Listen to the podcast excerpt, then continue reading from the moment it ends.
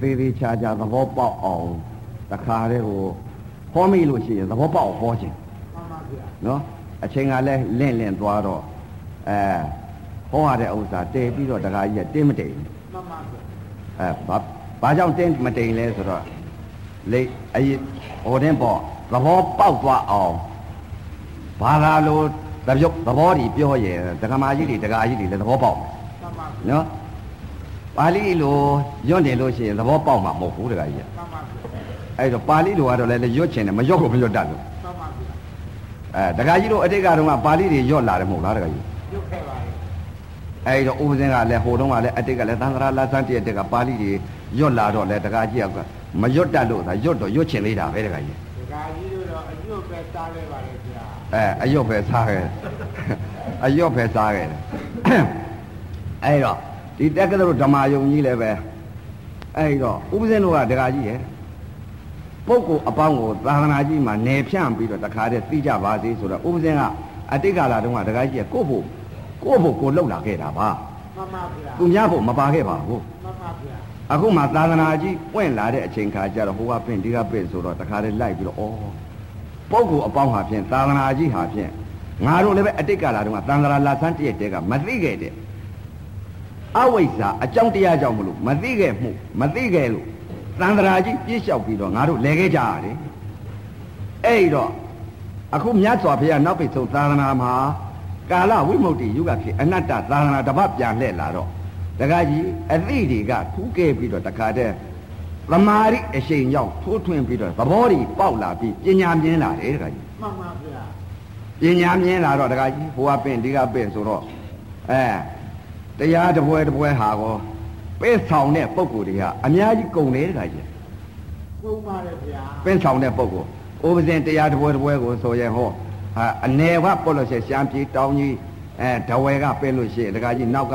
သံဃာတော်အရှင်မြတ်များရောနောက်ကတခါတည်းတရားပြပုံကိုယ်တွေရောဆိုလို့ရှိရင်တခါကြီး3000 4000ဒီလိုကုန်တာမှန်ပါဗျာနော်အခုလည်းပဲဥတည်ညော့ဥပဇင်တော့ကတော့လက်ဥတော့ကတော့မသိဘူးတခါကြီးမှန်ပါဗျာ ခုနတုန်းကတကားကြီးဥဝဲကျွာအာဥတေညွန်ကြီးသနာဖို့ကောင်း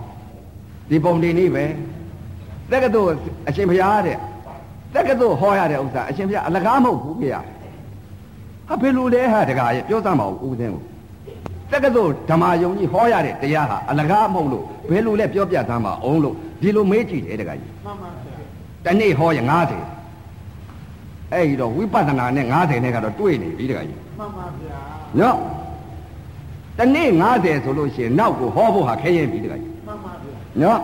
ဘာကြောင့်လဲလို့ဆိုတော့တနေ့90 90ပေးနေရလို့ရှိရင်ပုဂ္ဂိုလ်အပေါင်းကိုဥပဇာကဲတဲနေတဲ့ဥစ္စာဟာကိုတနေ့90ပေးနေရလို့ရှိရင်ဖြင့်ဒီဓမ္မယုံဟောဖို့လိုသေးလားမှန်ပါဗျာနော်အများကြီးရှိပါလေမှန်ပါဗျာအဲ့တော့ခုနဝေးကျူပြောလို့ပါတခါကြီးကတော့မပြောဘူးပိတ်ထားတယ်အဲ့ဒီလိုသူပြောလို့ရှိရင်ဥပဇာကမလာတော့ဘူးမှန်ပါဗျာဘာကြောင့်လဲဆိုတော့အနုတကာကြီးရဲ့ तू ကဒီမဲ့တကာကတည်ရှိတာကို သာသနာကြီး तू ကသိပ်ပြုတ်ချင်တာပြုတ်ချင်တော့ तू ဥပစေမပြောဘူးတကာကြီးရဲ့အဲ့တပည့်တော်တပည့်တော်တော့ဒီပုံတင်နေဆိုဟာတကာကြီးမလုပ်ပါနဲ့တကာကြီးဟာပေးနေရမှာတော့ဘာလို့မလဲလို့ဥပစေကဒီလိုပဲပြောမှာပဲမှန်ပါဗျာအဲဥပစေကဒီမဲ့လိုက်ပြီးတော့သာသနာပြုတ်နေအပင်မခံပြုတ်နေတာတကာကြီးမှန်ပါဗျာသူ့မှာတခါတဲ့ပုဂ္ဂိုလ်တော်ဝါကျွတ်အောင်လို့သူ့မှာငွေကုန်ကြီးကြခံပြီးတော့ဒီလိုလုပ်တာကိုဥပစေကမသိဘူးတကာကြီး90လေဝင်မလီးလို့ပါဗျာ။အော်သူကတော့ဝယ်မလဲလို့ထမအိုးစင်းကသိတော့သူ့ဟာ အလကားအောင်မိနေတာဟိုတကကြီးရဲ့ဓမ္မယုံဆိုလို့ရှိရင်ဘယ်ဓမ္မယုံဖြစ်ဖြစ်ဓမ္မသဘောကြီးဖြစ်ရမှာပေါ့မှန်ပါဗျာ။နော်မှန်ပါဓမ္မသဘောမှမဖြစ်လို့ရှိရင်ဖြင့်တကကြီးလွဲမှာပေါ့မှန်ပါဗျာ။အဲ့တော့ဒီယုံနဲ့ဒီနာနဲ့ဓမ္မပဲမဟုတ်လားဓမ္မပါဗျာ။နော်ဓမ္မသဘောကြီးဟာဖြင့်တကကြီးဓမ္မသဘောအတိုင်းနေရလို့ရှိလို့ရှိရင်ကောင်းလိမ့်မယ်ထင်တယ်တကကြီးမှန်ပါဗျာ။နော်အဲ့တော့တကကြီးအခုကပြောလဲစားလို့ခုနကတော့ပြောရတာပါတကကြီးရဲ့နော်မှန်ပါဗျာ အဲ့တော့ပုံကိုယ်တွေနဲ့အချိန်ကလည်းမရသေးဘူးဗျာတခါကြီးအချိန်မရတော့အဲ့တော့သဘောလေးတွေတင်ပြီးတော့တခါတည်းဥပဇင်းကငကိုတုံးကသူများဖို့မပါခဲ့မှန်ပါဗျာဘူးကိုယ့်ဖို့ကိုယ်လောက်လာတဲ့တရားမှန်ပါဗျာတရားဆိုတော့အဲ့တော့တခါကြီးရဲ့ဘယ်လိုပြောလာလဲဆိုတော့ဥပဇင်းမှာဥပဇင်းကိုမှတခါတည်းတခါကြီးကပရိယကျွန်းကျအက်ဒီတာဟိုတုန်းကတော့အက်ဒီတာပေါ့တခါကြီးဟာမှန်ပါဗျာကိုယ်ုံခင်ကြီးကတရားကျင့်နေတာကိုတခါကြီးမှန်ပါဗျာ ဥပဇင်းကသူတရားရဖို့ဟာကိုနင့်ပေးနေတာ မှန်ပါဗျာ နင်းပေးနေတော့ तू ရမှ तू ရမှကောင်းမှာကိုတကကြီး မှန်ပါဗျာ तू ကလက်တံပြောင်းနေ မှန်ပါဗျာ လောကကြီးမှာလက်တံပြောင်တဲ့ပုဂ္ဂိုလ်ကြောက်ရတယ် မှန်ပါဗျာ အဲ့တော့သူ့လည်းပဲတကာကြီးကဥပဇင်းကတော့သူ့တော့မကြောက်ပါဘူး လက်ကံပြောင်းမဲ့ဒကာကြီးတော့မကြောက်ဘူးဗျာ အဲ तू ကလက်တံတော်တော်ပြောင်တာတကာကြီး မှန်ပါဗျာ အဲ့တော့ဥပဇင်းကဟိုတုန်းကဟောခဲ့တယ်တကာကြီးဥပဇင်းကတကာကြီးသိလို့ဟောတာမသိဘဲနဲ့ဟောတဲ့တရားမဟုတ် မှန်ပါဗျာ နော် သိလို့ဟောတဲ့တရားမသိဘဲနဲ့ဟောတဲ့တရားမဟုတ်ဘူးတကားခန္ဓာကရှာထားတာမှန်ပါဗျာဘုံထဲကရှာတာမှန်ပါဗျာစောက်ထဲကမရှာဘူးခန္ဓာဘုတ်ဗျာရှာတာအဲခန္ဓာဘုံထဲကရှာမှန်ပါဗျာစောက်ထဲကမရှာပါဘူးမှန်ပါဗျာခန္ဓာဘုံထဲကရှာတော့သဘောကွဲလဲပုံတွေကိုပြောပြမှာတကားကြီးမှန်ပါဗျာနော်အနော်ဖယားဟောဒေသနာကလည်းမဟုတ်ဘူးလားဟုတ်တယ်တကားကြီးမှန်ပါဗျာပရိယသာသနာပฏิပတ်သာသနာပฏิဝေဒသာသနာသာသနာ300ရှိတယ်တကားကြီးမှန်ပါဗျာသာသနာ300ရှိတော့ အဲ့တော့ဥပဇင်ကနေပြီးတော့ဟိုတုန်းကဟောလိုက်တဲ့ဥစ္စာကတကားကြီးဥပဇင်ကဟောခဲ့တာကိုတကားကြီးမှန်ပါဗျာအတိတ်ကလည်းအနိစ္စအခုလည်းအနိစ္စနောက်လည်းအနာဂတ်ကာလကြာရဲ့အနိစ္စပဲဖြစ်လေဦးမယ်အမြဲတာမထုံးတော့ဘူးဗျာမမြဲတာမဆုံးတော့ဘူးမှန်ပါဗျာအဲ့တော့ဒီလိုဟောဟောနေတော့ तू ကတဲသဘောမပေါက်ဘူးတခါကြီးမှန်ပါဗျာဘာကြီးကိုင်းလာပြန်လဲဆိုတော့တခါကြီးရေဝိသုဒ္ဓိမဲ့ကြီးကိုင်းလာပြန်တယ်တခါကြီးပိုက်လာလား ပိုက်လာတယ်အဲကြောင်းမှာကြောင်းမှာမှန်ပါဗျာအဲ့တော့ဝိသုဒ္ဓိမဲ့ကြီးဥပဒေကစာမမတတ်ဘဲနဲ့အဲ့တော့အခုနေမှာပရိယသာသနာပฏิပတ်သာသနာပฏิဝေဒသာသနာဖယားလို့ခေါ်ဝသမုတ်ထားတဲ့ပြဉ္ညာတွေကမတတ်ဘူးတခါကြီးမှန်ပါဗျာမတတ်တော့ဘလူကပြောပြောဥပဇင်ကဒီမဲ့နီးယူနေရတာမှန်ပါဗျာဒါကြောင့်မလို့ဥပဇင်ကတော့ပြောလိုက်တယ်တခါကြီးကဘယ်လိုပြောလဲဆိုတော့တခါဥပမာလေးရှေ့ကပြဉ္ညာထွက်ပုံလေးကိုပြောပြတယ်တခါကြီးမှန်ပါဗျာရှေ့ကဘယ်လိုပြဉ္ညာထွက်လဲဆိုတော့ဟိုအတိတ်တီတပေါင်းလေးထွက်တယ်မဟုတ်လားတခါကြီးထွက်ပါလေဗျာ ဘယ်လိုထွက်လဲဆိုလို့ရှိရင်တခါကြီးကရှေ့ကအင်းကိုဟင်းသာဆင်းတယ်ဟင်းသာကိုမုတ်ဆိုးလင်းနဲ့ခွင်းတယ်မှန်ပါဗျာထိုမုတ်ဆိုးသည်ထီရိုးရိုက်တယ်မှန်ပါဗျာ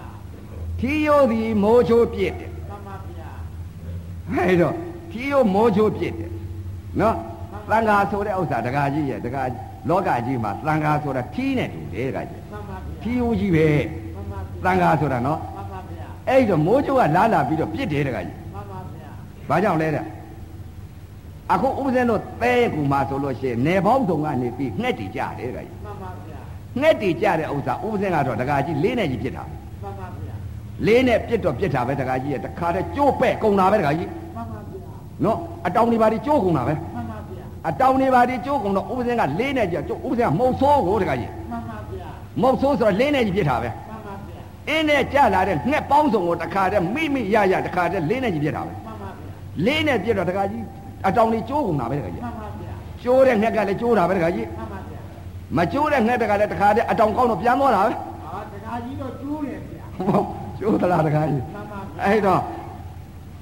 ဟဲ့အင်းမှာဟင်းသာဆင်းဆိုတော့ငှက်ပေါင်းစုံကြတော့ဥပဇင်းကလေးနဲ့ပြစ်တယ်မှန်ပါဗျာလေးနဲ့ပြစ်တော့တခါကြီးကျိုးတဲ့ငှက်လည်းကျိုးတာပေါ့မှန်ပါဗျာ အဲ့တော့တခါကြီးလေးနဲ့ပြစ်တော့ဥပဇင်းကပရိယတ်လို့မတတ်ဘူးတခါကြီးမှန်ပါဗျာအဲ့ဒီတခါကြီးဥုံခေကနေပြီးတော့ဝိသုဒ္ဓိမက်ကြီးကိုင်းလာပြီးတော့အရှင်ဘုရားတဲ့အရှင်ဘုရားဟောတာကအနိစ္စပယ်တယ်ဖြစ်နေပြီတခါကြီးဟာလူတိုင်းသိနေတဲ့အနိစ္စတခါကြီးပညာအနိစ္စသိနေတာကိုလို့လူတိုင်းသိနေတာဥစ္စာတခါကြီးဘယ်လိုတခါစာတွေကပါတယ်လဲလို့ကိုကစာတက်ချင်စာတက်ချင်တာကိုမှန်ပါဗျာစာတက်ချင်တော့မေးတယ်သူဘယ်လိုပါပါဗျာအဲဟို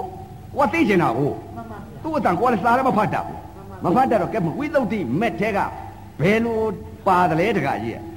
အဲ့တော့ဝိသုဒ္ဓိမက်ထဲကဒိဋ္ဌိဝိသုဒ္ဓိကမှာပါတာသူကပြောတာပါမှန်ပါဒါဒိဋ္ဌိဝိသုဒ္ဓိကမှာဆိုသူကစာတတ်တာမှန်ပါဒိဋ္ဌိဝိသုဒ္ဓိကမှာပါပါတယ်ဗျာအဲ့တော့ကဲဖတ်စမ်းတခါကြီးရုပ်နဲ့နာအမှန်မြင်ရမယ်တရားကိုယထဗုဒ္ဓဟုတ်တခါကြီးမှန်ပါဗျာယထဗုဒ္ဓဉာဏ်ကိုအမှန်မြင်ရမယ်တဲ့အဲ့ဒီလို ပြောလိုက်တော့ဘယ်လိုပါတယ်တခါကြီးဖတ်ပြတာဦးစင်းဖတ်ပြလိုက်တော့အဲ့တော့ဘာလဲဆိုတော့ရုပ်ဤသဘောတရားဟာဖောက်ပြန်တတ်တဲ့သဘောတရားလေးကိုပါတယ်တခါကြီးမှန်ပါဗျာရုပ်ဤသဘောဖောက်ပြန်တတ်တဲ့သဘောတရားလေးနာဤသဘောတရားကိုဘာကိုထည့်ထားလဲဆိုတော့နာဤသဘောတရားဟာတဲ့အာယုံကိုညွတ်တတ်တဲ့သဘောလေးကိုဒီလိုထည့်ထားတယ်တခါကြီးမှန်ပါဗျာအဲ့ဒီလိုမြင်လိုက်ပြီဆိုလို့ရှိရင်ယထဗုဒ္ဓ အမှန်မြင်ရမယ်တရားကိုသူတို့အမှန်မြင်ရမယ်တရားကိုဘာနဲ့မြင်ရမှာလဲဆိုတော့ပညာနဲ့မြင်ရမှာဟုတ်တယ်ကကြီးမှန်ပါဗျာအဲ့တော့ဒါဟိုကဖားလိုက်ချာတယ်တရားသိပြီတကကြီးမှန်ပါဗျာအာဟုတ်တယ်တကကြီးဘယ်လိုဆိုလဲဆိုတော့သွားမြင်ရမယ်တရားကအမှန်တရားကိုယထာဘုဒ္ဓညာအမှန်မြင်ရမယ်အဲ့တော့ဒကာကြီးဒကာကြီးတို့သိုးနေတယ်မဟုတ်လားဥပဇင်းတို့လည်းအတိတ်ကလာတော့ကသူများဆိုတန်ကြသိတာပဲလို့ အမေအဖေကသင်ပေးတဲ့အနေစာအဖေအမေအဖေကသင်ပေးတဲ့ဒုက္ခအမေအဖေကသင်ပေးတဲ့အနာတ္တပဋိညာစိတ်လိုက်တာဒကာကြီးလားအနေစာဗိဓိတစ်လုံးချလိုက်အနေစာပဋိတစ်လုံးချလိုက်ရင်ဒုက္ခပဋိတစ်လုံးချလိုက်ရင်အနာတ္တဒါပဲသိတယ်ဒကာကြီးမှန်ပါဗျာအဲ့ဒါပညာကြီးပညာကြီးမှန်ပါဗျာဒီအိဋ္ဌအဲ့ဒီတော့ဘုရားကတခါဘာသာလို့တခါဘုရားကပါဠိလို့တခါဆိုပြန်တယ်တခါကြီးမှန်ပါဗျာသူ့စကားနဲ့နော်ဘယ်လိုဆိုလဲဆိုတော့ သာဘိသင်္ခါရအနိစ္စအဲ့လိုဆိုပြန်တယ်မှန်ပါဗျာသာဘိသင်္ခါရအနိစ္စယတာပညာယပတ္တိအထနေဘိန္တတိဒုက္ခေဣသမေခောဝိသုဒ္ဓိယတဲ့ဘုရားဟောတာမှန်ပါဗျာဟာဟုတ်တယ်တခါကြီးပြောတာတော့ဟုတ်သဗ္ဗေသင်္ခါရအနိစ္စဆိုတာအခုပုံကိုယ်တွေကသဗ္ဗေသင်္ခါရအနိစ္စဆိုတာမျက်စိကလည်းမြင်ပြဲနားကလည်းကြားပြဲနှာခေါင်းကလည်းနားပြဲလက်ရာကလည်းစားပြဲ ကိုယ်ကလည်းထိပြဲမနောကလည်းသိပြဲသွားလိုက်တာကလည်းလှမ်းပြဲဒါပဲသိကြတယ်မှန်ပါဗျာနော်အဲ့ဒီလိုသိနေတာကပညာသိအဲ့ဒါပညာအနိစ္စသိတာတဲ့ပညာအနိစ္စပရမအနိစ္စပညာဒုက္ခပရမဒုက္ခပညာအနတ္တပရမအနတ္တ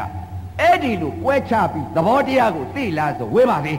မှန်ပါဗျာဘယ်တော့မှမသိမှန်ပါဗျာဒါကြောင့်မလို့ညင်းတာဗောတကကြီးမှန်ပါဗျာ ညင်းတာညင်းတယ်ဆိုတော့အနုသာဘေသင်္ခါရအနိစ္စဆိုစာတွေကမပါဘူးလားတကကြီးပါပါတယ်ဗျာ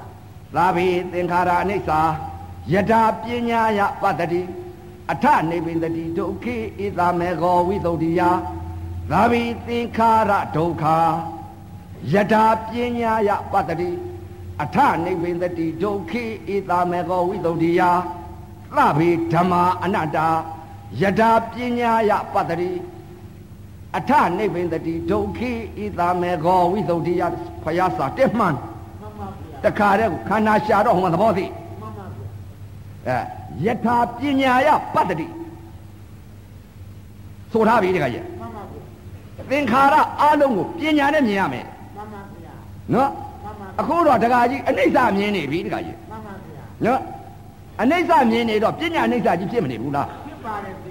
ယထာပညာယပတ္တိဆိုလို့ဘုရားကဟောထားတာမှန်တယ်တခါကြီးပညာနဲ့မြင်ရမှာပါပညာနဲ့မြင်ရမှာပညာနဲ့ဘယ်လိုမြင်မလဲတဲ့သဘောတရားသဘောတရားမှန်ပါဗျာအခုသဘောတရားမြင်နိုင်ဖို့ဟာကလည်းအနု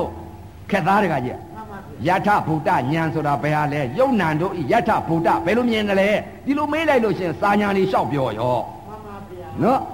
စာညာပြောလို့တော့တခါကြီးပညာဘောတခါကြီးပညာပါဗျာအဲ့ဒီတော့ဒါကြောင့်မလို့တခါကြီးတခါကြီးတို့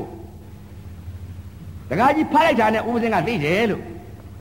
အဲ့ဒီဝိသုဒ္ဓိမက်ထဲကဒီမဲ့လမ်းချော်နေတာသိကြပြီလို့ကနဦးတခါကြီးဖတ်သွားတဲ့ဥစ္စာရုပ်ကိုပြောင်းပြောသွားတဲ့ဥစ္စာမှန်ဤလို့အဲ့ဒါအဆုံးလက္ခဏာလို့အဆုံးလက္ခဏာလို့မှန်ပါဗျာရုပ်ဆိုတဲ့သဘောတရားဟာဘာလဲဖောက်ပြန်တတ်တဲ့သဘောတရားလေးဆိုဆုံးနေပြီရှေ့တိုးစရာမရှိဘူးမှန်ပါဗျာအဆုံးလက္ခဏာလို့ဘုရားဟောထားတာကသဘာဝလက္ခဏာနဲ့သာမြင်ညလက္ခဏာ ဒီလိုဟောထားတယ်တခါကြီးမှန်ပါဗျာလက္ခဏာကလည်း၄ပါးရှိတယ်မဟုတ်လားတခါကြီးမှန်ပါဗျာနော်လက္ခဏာ၄ပါးကဘယ်လိုလဲလို့ဆိုတော့တချို့လက္ခဏာ၃ပါးသာသိတယ်တခါကြီးမှန်ပါဗျာလက္ခဏာ၄ပါးကိုသိလားဆိုတော့မသိပြန်ဘူးတခါကြီးမှန်ပါဗျာလက္ခဏာ၄ပါးဆိုတော့အဲ့တော့ဒီလိုပြောလိုက်တော့လက္ခဏာ၄ပါးဆိုတော့သမ်းကျယ်တယ်လို့ဒီလိုဖြစ်မယ်တခါကြီးမှန်ပါဗျာလက္ခဏာ၄ပါးကဘယ်လိုလဲတဲ့အနိစ္စလက္ခဏာဒုက္ခလက္ခဏာအနတ္တလက္ခဏာ အသုဘလက္ခဏာလို့တပါးတဲ့သတိပ္ပံတရား၄ပါးတယ်မှန်ပါဗျာမပါဘူးလားပါပါတယ်ဗျာလို့ဒီလက္ခဏာကဒကာကြီးအနိစ္စလက္ခဏာဒုက္ခလက္ခဏာအနတ္တလက္ခဏာအသုဘလက္ခဏာဆိုတဲ့ဥစ္စာဟိုအသုဘလက္ခဏာဆိုတာကသတ္တကြီးမှန်ပါဗျာအဲ့ဒါကတဏှာသတရားကြီးမှန်ပါဗျာဒီဘက်ကလက္ခဏာ၃ပါးကဒိဋ္ဌိသတရားကြီးမှန်ပါဗျာဒိဋ္ဌိသတ္ထဘယ်မှာတတ်တယ်လဲဆိုတော့နာခန္ဓာ၄ပါးမှာတတ်တာမှန်ပါဗျာတဏှာသတ်ကရုပ်မှာသတ်တယ်အသုဘဘမှာသတ်တယ်မှန်ပါဗျာ အဲ့ဒီလိုတဏှာသတ်တဲ့တရားကနာခန္ဓာလေးယူအဲဝေဒနာတင်ညာသင်္ခါရဝိညာဏဒီနာခန္ဓာလေးပါးပါမှာဒိဋ္ဌိသတ်တယ်မှန်ပါဗျာတဏှာသတ်တရားကဘယ်မှာတရားလဲတဲ့အသုဘဘမှာသတ်တယ်မှန်ပါဗျာအဲ့ဒီလိုနာခန္ဓာလေးပါးသတ်တာသတ်တာကနာပြက်အသုဘကိုသတ်တာကတဏှာသတ်တာကဘာလဲရုပ်ပြက်မှန်ပါဗျအဲ့ဒီလိုယုံနာစုံသွားအောင်သိပြီဆိုလို့ရှိရင်သဘောပေါက်မယ်တကကြီးမှန်ပါဗျာဒါကြောင့်မလို့ဘုရားကလည်းဟောထားတယ်သဘာဝလက္ခဏာသာမြင်ညာလက္ခဏာတဲ့ ဥုံခင်ကြီးကဝိသုဒ္ဓိမဲ့ကြီးကင်ပြီးတော့လာတော့အဲ့တော့ဝိသုဒ္ဓိမဲ့တဲ့မှာကနဦးရေးထားတဲ့လက္ခဏာကအဆုံးဖြစ်နေတယ်တကကြီးမှန်ပါဗျာရုပ်ကိုရေးထားတဲ့ဥစ္စာကတကကြီးဖောက်ပြန်တတ်တဲ့သဘောအဆုံးလက္ခဏာမှန်ပါဗျာနော်အဆုံးလက္ခဏာရေးထားပြီမှန်ပါဗျာနောက်ကြတော့နာမ်ကိုရေးထားတော့ဗာလဲအာယုံကိုညွတ်တတ်တဲ့သဘောတဲ့ဟောဒါကအရင်လက္ခဏာမှန်ပါဗျာသဘာဝလက္ခဏာရုပ်သဘာဝလက္ခဏာမြင်ရင်နာမ်သဘာဝလက္ခဏာမြင်ရမှန်ပါဗျာ ဟောစာမကိုသိတာမှန်ပါဗျာသဘောကိုသိတာခန္ဓာရှာမလည်းသိတယ်နော်ဟောကဖောက်ပြန်တတ်တဲ့သဘောကိုဝိသုဒ္ဓိမက်ထဲကဒိဋ္ဌိဝိသုဒ္ဓိခန်းမှာရေးထားတဲ့ဥစ္စာဟာဖောက်ပြန်တဲ့သဘောလေးကိုအဆုံးလက္ခဏာရေးထားတယ်မှန်ပါဗျာနောက်ကြတော့ရေးထားတဲ့ဥစ္စာနာဣညွတ်တတ်တဲ့အာယုံကိုညွတ်တတ်တဲ့သဘောလေးရေးထားတာကအရင်လက္ခဏာမှန်ပါဗျာရှေ့ကအဆုံးလက္ခဏာရေးပြီးတော့နာကြတော့အရင်လက္ခဏာရေးထားတယ်ဆိုတော့တခါကြီးဒိဋ္ဌိပြုတ်ပါအောင်မလား မှန်ပါဗျာမပြုတ်ပါဗျာ အဲ့တော့မသိဘူးလားမှန်ပါဗျာရေးလို့ရှိရင်ဒါကြောင့်မို့လို့စာဆိုတာသူများနဲ့တူရေးနိုင်မှတခါကြီးမှန်ပါဗျာသူများတဲ့သူရေးလို့ကြိုက်မှနော်မှန်ပါဗျာအဲ့ဒီတော့အခုဟာကတခါကြီးတို့ဦးစင်းတို့ဖယားဤဒေသနာတွေကိုအကုနေကြတာမှန်ပါဗျာနော်အရေးမှန်လိုက်လို့ရှိရင်လည်းကိစ္စမရှိဘူးအရေးမမှန်လိုက်ဆိုရင်လွဲသွားပြီမှန်ပါဗျာနော်အဲ့ဒီတော့အဲ့ဒီဝိသုဒ္ဓိဒိဋ္ဌိဝိသုဒ္ဓိကမှာဥက္ခေကပြတော့ဒကာကြီးအဲ့ဒီစာသိရလားဒကာကြီးဒကာကြီးဖတ်နေတာသိရလားမှန်ပါဗျာ အဲဒကာကြီးကဘာလဲဖရတယ်အဲ့တော့ तू ကစာတတ်တယ်လို့ပြောတာကိုမှန်ပါဗျာစာတတ်တယ်ပြောတော့ဒီကလက်ထောက်လိုက်မှန်ပါဗျာဒီစာတော့မတတ်ဘူးထောက်တော့ထောက်တတ်တယ်မှန်ပါဗျာနဲဘယ်လိုထောက်တတ်လဲဆိုဒကာကြီးလက်ဦးရေးထားတာကဘာရေးထားလဲအဆုံးလက္ခဏာရေးထားတယ်လို့ဒိဋ္ဌိဝိသုဒ္ဓိကန်းထဲမှာအဆုံးလက္ခဏာရေးထားတယ်ဘယ်လက္ခဏာရေးထားလဲယုတ်ဤသာမြင်ညလက္ခဏာကိုအဆုံးရေးထားတယ်မှန်ပါဗျာနောက်ကသဘာဝလက္ခဏာရေးထားတယ်နာမ်ကိုသဘာဝလက္ခဏာရေးတယ်အဲ့ဒီတော့ရှေ့က သာမြင်ညလက္ခဏာရေးရင်နောက်ကနာမ်ကိုလည်းသာမြင်ညရေးရမယ်မှန်ပါဗျာဓမ္မသဘောချင်းညီမျှမယ်ရှေ့အစွန်းနောက်စွန်းလွတ်တယ်မှန်ပါဗျာဒီလိုမှရှေ့အစွန်းနောက်စွန်းမလွတ်လို့ရှရင်တကားကြီးအဲ့ဒီဟာကလည်းလွဲပြန်တာပဲမှန်ပါဗျာအဲ့ဒီတော့တကားကြီးအခုဒါရင်လွဲတာမဟုတ်ဘူးလို့ဘုရားဟောတာကယထဗုဒ္ဓဟောပြီလို့ပညာနဲ့မြင်ရမယ်လို့ဟောပြီလို့အခုသိနေတာကပညာအနိစ္စမြင်တယ်လို့ဘုရားဟောတာတာဘုရား စကားကတော့သာဘိသင်္ခါရအနိစ္စသဗ္ဗိသင်္ခါရအနိစ္စဆိုရင်ပုဂ္ဂိုလ်တွေဘယ်လိုမြင်လဲအနိစ္စလူတိုင်းလူတိုင်းမြင်မနေဘူးလားတခါကြီးမြင်ပါတယ်ဗျာနော်အနိစ္စလူတိုင်းလူတိုင်းမြင်နေတာဘယ်လိုအနိစ္စတွေမြင်နေလဲဆိုတော့တခါကြီးမျက်စိနဲ့မြင်လိုက်တဲ့အချိန်ကမှလူတိုင်းလူတိုင်းမြင်နေတဲ့အနိစ္စဆိုတဲ့ဥစ္စာကတခါကြီးသာဘိသင်္ခါရအနိစ္စလို့ဒါကပြောရတာကိုမှန်ပါဗျာ အဲ့ဒီအနိစ္စကိုယထာပညာယာပတ္တိဟောအဲ့ဒီအနိစ္စကိုလွန်သွားမှာမှန်ပါပဗျာညာနဲ့မြင်ရမှာမှန်ပါဗျာဘယ်လိုပညာနဲ့မြင်ရမလဲလို့သဗ္ဗေသင်္ခါရအနိစ္စအဲ့ဒါကပညာအနိစ္စမှန်ပါဗျာပညာလို့ခေါ်လိုက်လို့ရှိရင်အဲ့ဒီအနိစ္စမြင်နေတဲ့ပညာဟာအဝိဇ္ဇာမာနပညာခေါ်တယ်မှန်ပါဗျာအဝိဇ္ဇာမာနပညာကနေပြီးတော့တခါကြီးသာဘေသင်္ခါရအနိစ္စကနေပြီး ယထာပညာယပတ္တိပရမတ္ထအနိစ္စကိုဝိဇ္ဇာမာနပညာကိုသိလိုက်ရအောင်သင်ရှားရှိတဲ့ပြညာပါဗျာထင်ရှားရှိတဲ့ပညာကိုသိရအောင်မှန်ပါဗျာနော်အဝိဇ္ဇာမာနပညာကိုတင်ညာပယ်ပြီးတော့မရှိတင်ညာကိုပယ်ပြီးတော့ရှိတဲ့တင်ညာကိုသိရအောင်မှန်ပါဗျာမရှိပညာရှိပညာမှန်ပါဗျာမရှိပရမရှိပရမမှန်ပါဗျာ ဒါသေးသေးချာချာတရားဓမ္မတွေခွဲပြီးတာစိတ်မှန်ပါဗျာနော်အဲ့ဒီတော့တရားကြီးကပညာအနိစ္စသာသိတယ်တရားကြီးမှန်ပါဗျာအဲ့ဒီတော့ကိုကိုကိုကိုစိတ်ကလေးကိုစိတ်ဥပဇင်းတို့လည်းကိုစိတ်ကလေးကိုစိတ်လာလို့သိတာမှန်ပါဗျာအဲ့ဒီတော့တရားကြီးအခုပုံကိုယ်တွေသိနေတာကမြင်တဲ့အပေါ်မှာလည်းအနေစာကြားတဲ့အပေါ်မှာလည်းအနေစာအနေစာဆိုတာမြင်တာကဘယ်လိုမြင်လားအနေစာမြင်တာလူတိုင်းလူတိုင်းအနေစာမြင်မမြင်တန်တရာလာစမ်းတဲ့တကအနေစာမြင်လာတာတကကြီးမှ န်ပါဗျာနော်တန်တရာလာစမ်းတဲ့တကအနိစ္စကိုမြင်လာတဲ့အနေစ္စကဘယ်အနိစ္စကိုမြင်တယ်လဲတော်တော်ကြာမျက်စိနဲ့မြင်လိုက်တဲ့အချိန်ခါဒကမအမြင်တော့ဒကမသိလိုက်တယ်ဒကမမြင်ပြီးဒကမသိလိုက်တော့ဒကာကြီးနောက်တစ်ခါဒကာမြင်မြန်ရောဒကာကြီးမှန်ပါဗျာဒကမမြင်ပြီးဒကမသိတဲ့စိတ်တစ်စိတ်ဒကာမြင်ပြီးဒကာသိတဲ့စိတ်တစ်စိတ်အဲကာကြီးမြင်ပြီးကာကြီးသိတဲ့စိတ်တစ်စိတ်မှန်ပါဗျာ ချောတာမြင်တော့ချောတယ်လို့သိတယ်တစ်စိတ်မှန်ပါဗျာလှတာလေးမြင်တော့လှတယ်လို့သိတယ်စိတ်တစ်စိတ်မှန်ပါဗျာဒါလည်းအနိစ္စဘောဗျပညာအနိစ္စမမြဲပုံပါဗျာဒါကပညာမှန်ပါဗျာပရမတ်အနိစ္စကခန္ဓာရှာမသဘောတရားလေးမှန်ပါဗျာပရမတ်အနိစ္စကိုတွေ့ရမှာမှန်ပါဗျာဖယားဟောထားတာကသာဘိသင်္ခါရအနိစ္စယထာပညာယပတ္တိ အထနိဗ္ဗေတတိဒုက္ခိဣသမေကောဝိသုဒ္ဓိယတဲ့ဖယားဟောထားတာမှန်ပါဗျာဒီလိုဆိုတယ်မဟုတ်လားဟုတ်ပါတယ်ဗျာအခုတော့မျက်စိကလည်းအနိစ္စမြင်နေတာပဲဘယ်အနိစ္စလဲနားနဲ့အသာနဲ့ကြားလိုက်တကလည်းအနိစ္စပဲခွေသံကြားခွေသံသိလိုက်တာပဲဝက်သံကြားတော့ဝက်သံသိလိုက်တာပဲလေဒီဥသံကြားတော့လေဒီဥသံသိလိုက်တာပဲဒဂမအသံကြားတော့ဒဂမအသံသိလိုက်တာပဲဒါပဲသိတယ်အဝိဇ္ဇာပညာတွေပါဗျာ ဒါအနိစ္စမဟုတ်လားမှန်ပါဗျာဒါအနိစ္စသိတာနော်အနိစ္စပါဗျာအဲနှာခေါင်းနဲ့အနာနဲ့ထိမှန်လိုက်တဲ့အချိန်ခါသန္တရာလာသန်တရတကဒီအနိစ္စတွေသိလာခဲ့တာအခုတည်းဒီဒီအသိပဲအဲမိမမြင်မိမပျောက်သွားပြီယောက်ျားမြင်ယောက်ျားပျောက်သွားပြီဒါအနိစ္စထင်းနေတယ်တကကြီးမှန်ပါဗျာအနိစ္စဆိုတဲ့သဘောတရားကိုပညာအနိစ္စသာသိကြတယ် ပရမန်အနိစ္စဘုရားအလိုတော်ကြအနိစ္စကိုမသိဘူးမှန်ပါဗျာဘုရားအလိုတော်ကြသိရမယ်မှန်ပါဗျာယထဗုဒ္ဓညာအမှန်မြင်ရမယ်တရားကပညာနဲ့မြင်ရမှန်ပါဗျာအတော့တခါသူတို့လုံနေပါလားတခါကြီးယထဗုဒ္ဓညာဆိုတဲ့ဥစ္စာဟောတဲ့ဝုန်းခင်ကြီးပြောတယ်တခါကြီးမှန်ပါဗျာသူတို့ဟောတဲ့ရေးထားတဲ့ဥစ္စာတွေသူတို့တခါရေးနေတာတွေဥစ္စာဆိုတာတွေတွေ့တာပဲမှန်ပါဗျာဘယ်လိုရေးရေးထားလဲဆိုတော့ ကိသံတောဝါကိသံမိတိပဇာနာတိဒီလိုတခါဆိုမြန်နေတခါကြီးကိသံတောဝါကိသံမိတိပဇာနာတိတဲ့မိုးချိုးကပြက်ထားတော့ခေါ်တတ်လာတယ်မိုးချိုးပြက်ထားပြီးဦးစင်းကိုတော့သူကလာလာတင်ပေးနေတာကိုသူတင်ပေးလိုက်တော့အဲ့တော့ထီယိုမိုးချိုးပြက်နေပြီတခါကြီးမှန်ပါဗျာထီယိုမိုးချိုးပြက်တော့သူကစာလေးတင်တင်ပေးတော့ဦးစင်းကစာဟိုကတလုံးပြောလိုက်ရင်ဒီကငါးလံလောက်မြင် ဘာကြောင့်လဲတဲ့တစ်လုံးပြောလိုက်လေတစ်လုံးပြောလိုက်လို့ရှင်ဒီကအကျယ်ချဲ့လိုက်လိမ့်ယထဗုဒ္ဓသဘာဝမြည်နေတာပါဗျာယထဗုဒ္ဓညာမှန်ပါဗျာယထဗုဒ္ဓညာမြင်နေတော့တခါကြီး तू ကတစ်လုံးပြောလိုက်လို့ရှင်ဒီကအကျယ်ချဲ့လိုက်လေမှန်ပါဗျာဘာကြောင့်လဲယထဗုဒ္ဓညာဆိုတဲ့ဥစ္စာတခါကြီးအကျက်ဒီမဲ့တလောကလုံးယထဗုဒ္ဓအမှန်မြင်လို့ရှင်တလောကလုံးသဘောတရားပဲရှိမှန်ပါဗျာအဲ့တော့ तू ကဂေသံတော်ဟာဂေသံမိတိပဇာနာတိတဲ့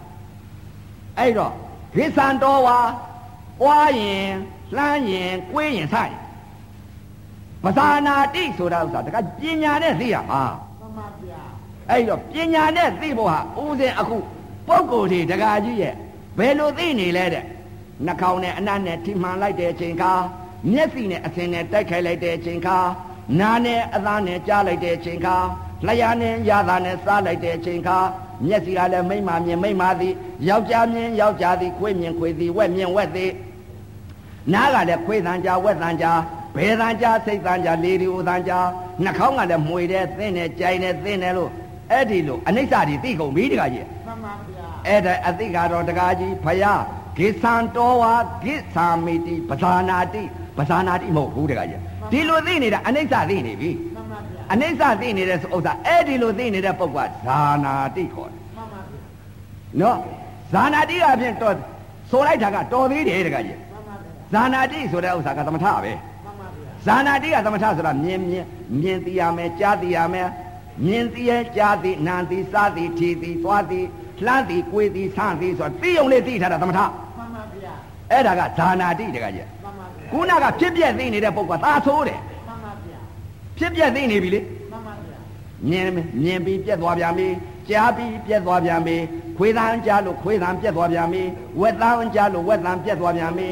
ဓမ္မအသံကြားလို့ဓမ္မအသံပြက်သွားပြန်ပြီအဲ့ဒါအနိစ္စမှန်ပါဗျာအဲ့ဒီလိုအနိစ္စမြင်နေတာတကကြီးမှန်ပါဗျာအဲ့ဒီလိုအနိစ္စမြင်တော့သာဘေသင်္ခါရတဲ့အဲ့ဒီလိုဖြစ်ပြက်ဖြစ်ပြက်ဖြစ်ပြက်ဆိုတာသင်္ခါရမဟုတ်လားသင်္ခါရပါဗျာအဲ့ဒီသင်္ခါရကိုဘုရားကဟောထားပြီသာဘေသင်္ခါရအနိစ္စကိုယထာပညာယပတ္တိတဲ့ယထဗုဒ္ဓညာအမှန်သင်္ခါရကိုမြောင်ကြည့်စားနဲ့ဘယ်လိုသဘောလဲလို့ဘုရားကတော့ဟောထားပြီမှန်ပါဗျာ ယထဗုဒ္ဓအမှန်မြင်သလားဆိုတဲ့ဥစ္စာကိုယ်စိတ်ကိုယ်စိတ်မသိဘူးလားသိပါတယ်ဗျာနော်အဲ့ဒီတော့ပညာအနိစ္စသိမလားပရမတ်အနိစ္စသိမလားဆိုတာအဲ့ဒါသဘောကိုစိတ်ကိုသိရမနော်မှန်ပါဗျာအဲ့တော့အခုဟာကတော့တကား6ပေါက်ကိုတကားကြီးရဲ့ပညာအနိစ္စသိကုန်ပြီတကားကြီးမှန်ပါဗျာဘာကြောင့်ပညာအနိစ္စသိလဲဆိုတော့တကားကြီးကဇာနာတိကတော့တော်သေးရဲ့မှန်ပါဗျာဇာနာတိကမြင်သိကြားသိသိုံလေးတစ်ခုတည်းဆိုတော့စိတ်စိတ်ကလေးငြိမ်အောင်လုပ်ရထားဟုတ်တကားကြီးမှန်ပါဗျာအဲ့ဒီဇာနာတိကတော့တော်သေးရဲ့အဲ့ဒါသမထတော်သေးတယ်မှန်ပါဗျာ ဖြစ်ပြက်ကြီးကတော့တကားကြီးသွားရောဗျသင်္ခါရပါဗျာသင်္ခါရတွေဖြစ်မကုန်ဘူးလားဟုတ်ပါဘူးဗျာအဲ့ဒီလေမဆုံးလို့ရှိလဲရှိရင်တော့တကားကြီးအဲသန္တရာလွတ်မြောက်ပါမလားမလွတ်ပါဗျာအဲ့ဒီတော့ဘုရားဟောထားတဲ့တရားကတော့တကားကြီးအခုပုံကိုယ်တွေဥပဇင်းတို့အတိတ်ကလာတုန်းကသိလာတဲ့အသည့်တွေကဖြစ်ပြက်ကြီးကိုတခါတည်းမြင်ပြီးပြက်ထားသိခဲ့တယ်ကြားပြီးပြက်ထားသိခဲ့တယ်နားပြီးပြက်ထားသိခဲ့တယ်စားလို့ပြက်ထားသိခဲ့တယ်ထီလို့ပြက်ထားသိခဲ့တယ် သိလို့ပြက်ထားသိခဲ့တယ်လှမ်းလို့ပြက်ထားသိခဲ့တယ်ချလို့ပြက်ထားသိခဲ့တယ်ထိုင်လို့ပြက်ထားသိခဲ့တယ်အိတ်လို့ပြက်ထားသိခဲ့တယ်အဲ့ဒီအပြက်ကြီးအအနိစ္စကြီးသိနေပြီတခါကြီးမှန်ပါဗျာအဲ့ဒါဘုရားကအဲ့ဒါအနိစ္စတဲ့သင်္ခါရတဲ့အဲ့ဒီလိုသိရင်အနိစ္စတွေတဲ့မှန်ပါဗျာအဲ့ဒီလိုသိရင်မမြဲဘူးတဲ့မှန်ပါဗျာအဲ့ဒီလိုသိရင်သင်္ခါရတဲ့မှန်ပါဗျာအဲ့ဒီသင်္ခါရသဘောတရားအနိစ္စတဲ့မှန်ပါဗျာဘယ်တော့မှအနိစ္စမကုံတော့ဘူးတဲ့တန်ត្រာတဲ့မှန်ပါဗျာ အဲ့ဒီလိုပြောထားတာမှန်ပါတယ်ဗျာအဲဒီလိုပြောထားတော့အဲ့ဒီတော့ဘုရားပြောထားတာယထာပညာယပတ္တိဆိုတော့တကကြီးယထဘူတပညာနဲ့မြင်အောင်ကြည့်ရလိမ့်မယ်သမ္မာပညာရဓာတ်ကပန်းပါဗျာကောင်းစွာမြင်ရမှာပါအဲကောင်းတာမြင်ရမယ်လို့ဘုရားကအထင်ရှားကြီးကိုဘုရားဤဒေသနာအစဉ်မှာပြောထားတယ်မဟုတ်လားဘုရားဟောဒေသနာတွေမှန်ပါဗျာအဲ့ဒါကြီးကသာဓမာကြီးအတွက်ထောက်လိုက်ကြပါဗျာအဲသမ္မာပညာရပါဗျာအဲ အဲ့ဒီတော့ဒကာကြီးဒကာကြီးတို့ဥပဇင်းတို့သိရမှာကဘယ်ဟာကိုသိရမှာလဲဆိုတော့ပရမတ္ထသဘာဝအနိစ္စသဘောလေးကိုသိရင်မတော်ဘူးလားတော်ပါတယ်ဗျာနော်အဲ့ဒီတော့ပညာအနိစ္စမသိဘဲနဲ့ပရမအနိစ္စသိရင်မကောင်းဘူးလားကောင်းပါတယ်ဗျာအဲပညာအနိစ္စပရမအနိစ္စပညာဒုက္ခပရမဒုက္ခပညာအနတ္တပရမအနတ္တမှန်ပါဗျာသဘောတွေကိုနော်မှန်ပါဗျာ အဲ့ဒီလိုခွဲခြားခွဲခြားသိသွားမယ်ဆိုလို့ရှိရင်မကောင်းမိဘူးလားတခါကောကြီးင်းပါတယ်ဗျာအခုတော့ပြောလိုက်တော့ဘယ်လိုပြောတယ်လဲဆိုတော့တခါကြီးကြီးသာဝေသင်္ခါရအနိစ္စသူတချို့ကတော့ဒါကွဲအောင်လို့ဘယ်နဲ့ဘုရားဟောထားတဲ့ဒေသနာအစဉ်ကအနိစ္စပြောတယ်ဒီအနိစ္စပဲနေပြန်မလားလို့ဒီလိုပြောမှာဆိုလို့အခုကခွဲကြတာမှန်ပါဗျာအနို့ဒါကြီးနဲ့အနို့ဝိသုဒ္ဓိမဲ့ကြီးနဲ့တခါတည်းဥုံခေကကင်ပေါက်တာကိုတခါကြီးမှန်ပါဗျာတခါကြီးသိနေတာကအနိစ္စသိနေတာကပညာအနိစ္စကြီးပဲလို့လူတိုင်းသိတာလို့မှန်ပါဗျာနော်လူတိုင်းသိတဲ့အနိစ္စလို့ဒါကမှန်ပါ ဗျာကလေးလေးလည်းသိတယ်လို့မှန်ပါဗျာဒီအနိစ္စမျိုးကတော့တခါကြီးပညာအနိစ္စလို့ပညာပတ္တိကိုမသိလို့ပါဗျာအဲပညာပတ္တိကိုမသိလို့ပညာအနိစ္စကြီးကိုတခါတည်းဒါပဲဆွဲလာနေတယ်မှန်ပါဗျာအာဥပဇင်တနေ့ကတော့တခါကြီးမိုးကောင်းဟောခဲ့တယ်ရှော့ထမ်းတယ်လို့ပေါ့တခါကြီးမှန်ပါဗျာနော်ရှော့ထမ်းတာရှော့ထမ်းတာမှန်ပါဗျာရှော့ထမ်းတာပဲလို့ရှော့ထမ်းလဲဆိုတော့တခါကြီးရှော့ထမ်းတာကတော့တခါလာလဲဒီရှော့ပဲအဝိမြင်လဲတခါကြီးရှော့ပဲထမ်းတယ်တခါကြီးအဲ့ဒီရှော့လေးကိုပဲဒီမှာတာတွဲနေတာအဝိတ္တေအဖို့တန်တာတော့မသိဘူးမှန်ပါဗျာ အဲ့တော့တခါကြီးတို့ဥပဇင်းတို့ဟာရှော်တဲ့အဖို့တန်တာရှားရတယ်ပဲတခါကြီးမှန်ပါဗျာအဲ့ဒါကြောင့်တခါကြီးအဲသိရမှာကဘာလဲတဲ့ပညာနဲ့မြင်ပြီးပညာနဲ့သိရမှာတခါကြီးမှန်ပါဗျာအဲ့ဒါကြောင့်ဘုရားကလည်းဟောထားတဲ့ဓမ္မရတခါကြီးကအဲပုံကိုယ်တွေကိုတခါကြီးကအခုအနိစ္စမြင်နေတဲ့ပုံကိုယ်တွေကဘာနဲ့တူလဲဆိုတော့ဝင်းဝင်းကန်းနဲ့တူတယ်မှန်ပါဗျာဝင်းဝင်းကန်းမှန်ပါဗျာဝင်းဝင်းကန်းဆိုတာဘယ်လိုဥပမာလေးဆိုတော့ဆောင်းပြီးတော့ပြောအောင်ပါပဲမှန်ပါဗျာနော်အကိုင်း6ရောက်တဲ့တခါကြီးမှန်ပါဗျာ အကန့်6ယောက်ဟာတကားကြီးမွေးလာတဲ့ကသူကကားနေတာကိုကားနေတော့ဘာမှမမြင်ဘူးအဲ့တော့မြင်တဲ့ပုံကနေပြီးတော့သူဘာကိုပြောလိုက်ဆိုဆင်ကြီးဟေးဆင်ကြီးဟေးလို့ပြောသွားပြောတာကိုဆင်ကြီးဟေးဆင်ကြီးဟေးဆိုသူနားထဲမှာဆင်ကြီးလေးကြားတာဟုတ်တယ်ငါကွာမွေးတဲ့ကကားနေတာငါဆင်မလဲမမြင်ဘူးငါလိုက်ပြသားမှာဆိုသူကမျက်စိကားနေဘာသိမှန်ပါဗျာအဲ့တော့မြင်တဲ့ပုံကသွားပြီးပြလိုက်တယ်တကကြီးဘယ်လိုပြလိုက်လဲဆိုတော့အစွဲကြီးပြလိုက်အစွဲကြီးကိုကင်ကင်ခိုင်းလိုက်တယ်အစွဲကြီးကင်တော့ အော်ဆင်ဆိုတဲ့ဥစ္စာအော်ချွန်ချွန်ကြီးပါလားလှန်စွကြီးနဲ့တူတယ်လို့လှန်စွကြီးမှတ်ထားမှန်ပါဗျာနော်လှန်စွကြီးမှတ်ထားတယ်တခါကြီးမှန်ပါဗျာတယောက်ကိုတစ်ခါအကန်း6ယောက်ရှိတဲ့အနက်ကတယောက်ကိုတစ်ခါပြကြမှန်ပါဗျာတယောက်ဘလို့ပြလဲဆိုတော့ဆင်နေဝကြီးကင်ပြရမှန်ပါဗျာအော်ဆင်ဆိုတဲ့ဥစ္စာနေဝကြီးပါလားအမဆင်ဆိုတဲ့ဥစ္စာကရက်တောင်ကြီးနဲ့တူပါလားမှန်ပါဗျာရက်တောင်ပဲမှတ်ထားတယ်တခါကြီးမှန်ပါဗျာနော်ရက်တောင်မှတ်ထားတာမှန်ပါဗျာနောက်အကန်းတယောက်ကိုပြပြန်လေတခါကြီးမှ န်ပါဗျာနောက်အကန်းတယောက်ကိုပြတော့နှာမောင်းကြီးကိုပြရမှန်ပါဗျာဟာဆင်ဆိုတော့မွေကြီးနဲ့တူပါလားအကြီးကြီးပါလားမှန်ပါဗျာဟောမွေမှတ်ထားတယ်တခါကြီးမှန်ပါဗျာနော်မွေမှတ်ထားတယ်နော်နောက်တစ်ယောက်ကိုပြပြန်လေတခါကြီးမှန်ပါဗျာနောက်တစ်ယောက်အကန့်ပြပြန်တော့တကအမေးလေးကင်ပြရတော့အာဒီအမေးကျိုးနဲ့တူပါတယ်မှန်ပါဗျာဆင်ဟာကျိုးကျိုးပါကျိုးပါပဲလို့ဆိုကျိုးမှတ်ထားမှန်ပါဗျာကျိုးနဲ့ထူတာမှတ်ထားနောက်တစ်ယောက်ကိုပြပြန်လေတခါကြီးမှန်ပါဗျာဘာကိုပြပြန်လဲဆိုတော့ဘေးတောင်ကြီးကိုဘေးသွားအစမ်းခိုင်း ဟာထရကြီးနဲ့တူတယ်မှန်ပါဗျာထရမှတ်ထားမှန်ပါဗျာနောက်တစ်ယောက်ကိုတခါပြပြန်လေတခါကြီးမှန်ပါဗျာနောက်တစ်ယောက်ကိုပြပြန်တော့ဘယ်လိုပြပြန်လဲဆိုတော့ခြေတော့ပွားပြီးတော့ကင်ပြရတာဟာကျွန်းတိုင်ကြီးနဲ့တူတာဟာတိုင်ကြီးပဲလို့လို့မှတ်ထားတယ်အဲ့ဒီတော့သဘောသိရမှာကတော့တခါကြီးရဲ့သင်ဆိုတဲ့သဘောတရားတစ်ခုတည်းသိရမယ်သင်ဆိုတဲ့သဘောသိလိုက်ပြီဆိုရင်နာမောင်းလည်းသိရမယ်အစွဲလည်းသိရမယ်နှရွယ်လည်းသိရမယ်ခြေထောက်လည်းသိရမယ်ဘေးပြင်လည်းသိရမယ်အမိလည်းသိရလိမ့်မယ် ဒီဟာအမိတွေကိုသိဖို့မလိုဘူးသိဖို့လိုသေးလားမလိုပါဘူးဗျာခြေထောက်ကိုသိဖို့လိုသေးလားမလိုပါဗျာအဲနာမောင်းရယ်လို့သိဖို့လိုသေးလားဒီမြင်လိုက်တာနဲ့မြင်တဲ့ပုဂ္ဂိုလ်ကတော့အကုန်သိပါတယ်ဗျာသင်တစ်ခုတည်းသိလိုက်ရင်တော်ရောပေါ့မှန်ပါဗျာနော်အဲ့ဒီတော့အခုတော့ပုံကိုယ်တွေ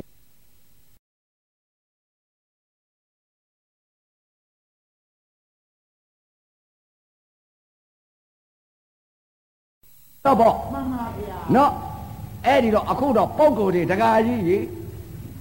ဘာနဲ့တူလဲဆိုအကန်း6ယောက်နဲ့တူနေပြီတကာကြီးစမ်းကြည့်မှသိရဲ့အတန်းကိုဗျာအဲနေတာကိုစမ်းကြည့်မှသိတဲ့အကန့်ဆိုတော့တကားကြီးရဲ့ဟောကလည်းဆင်းငါမြင်လိုက်ပြီဆိုရင်မင်းဟာကွာဆင်းဆိုတာကလှန်စောကြီးနဲ့တူတယ်ချွန်ညွန်ကြီးမှန်ပါအစွဲကိုင်းတဲ့ပုဂ္ဂိုလ်ကမှန်ပါဗျာနာမောင်းကိုင်းတဲ့ပုဂ္ဂိုလ်ကတော့လက်မောင်းဟိုတဲ့မွေကြီးနဲ့တူတယ်မှန်ပါဗျာနရွက်ကိုင်းမဲ့ပုဂ္ဂိုလ်ကရက်တောင်းနဲ့တူတယ်မှန်ပါဗျာ ဘေးတောင်ကိုင်းတဲ့ပုဂ္ဂိုလ်ကထရန်ကြီးနဲ့တူတယ်အမိကိုင်းတဲ့ပုဂ္ဂိုလ်ကကျိုးနဲ့တူတယ် မှန်ပါဗျာ ခြေတော့ကိုင်းတဲ့ပုဂ္ဂိုလ်ကတော့ကျွန်းတိုင်ကြီးနဲ့တူတယ် မှန်ပါဗျာ အဲ့ဒီတော့အဲ့ဒီအကန့်6ယောက်ထိုင်းနေပြီးတော့တခါတည်းကိုဆင်ញင်းညာရောတခါကြီး မှန်ပါဗျာ ဆင်ပဲလို့ညင်းလဲဆင်ဆိုတာကကွာမွေကြီးနဲ့တူတယ်မွေမွေကြီးနဲ့တူလားငါတွေးတာကွာ तू तू တွေးတာ तू ပြောတာမဟုတ်ဘူးလားဆင် ဟုတ်ပါတယ်ဗျာ ဟုတ်တယ်ဗျနော် တွေးတာဘူး तू တွေးတာ तू ပြောတာ မှန်ပါဗျာ ဆင်ပါပဲဗျ မှန်ပါဗျာ ဆင်ဆင် မှန်ပါဗျာ နော်နရွက်ကင်တဲ့ပုဂ္ဂိုလ်ကငါဆင်တွေးတာငါရက်တောင်နဲ့တူတယ်ဆိုတာဆင်မမဟုတ်လား မှန်ပါဗျာ ဟော तू ကရက်တောင်ဆိုတာဆင်မဲမဟုတ်လားလို့ မှန်ပါဗျာ ဟော तू ကရက်တောင်သိတာ မှန်ပါဗျာ နော်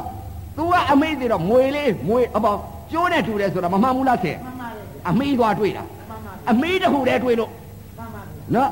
ခြေတော့ကိုင်းတဲ့ပုံကလည်းဟာမင်းကျွန်းတိုင်ကြီးနဲ့တူတာဆင်ဆိုတာကျွန်းတိုင်ကြီးလို့နေတာပါကွာဟောဒီလိုပြောတာ မှန်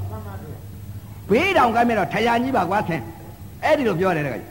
မှန်ပါဗျာမမှန်ဘူးလားသူတို့ပြောတာလေမှန်ပါဗျာဘေးတောင်ကိုင်းတဲ့ပုံကလည်းဘေးတောင်ပဲသိတယ်အမေးကိုင်းတဲ့ပုံကကျိုးကျိုးပဲသိတယ်လက်မောင်းကိုင်းတဲ့ပုံကမွေကြီးရဲ့လို့သိတယ်အစွဲကိုင်းတဲ့ပုံက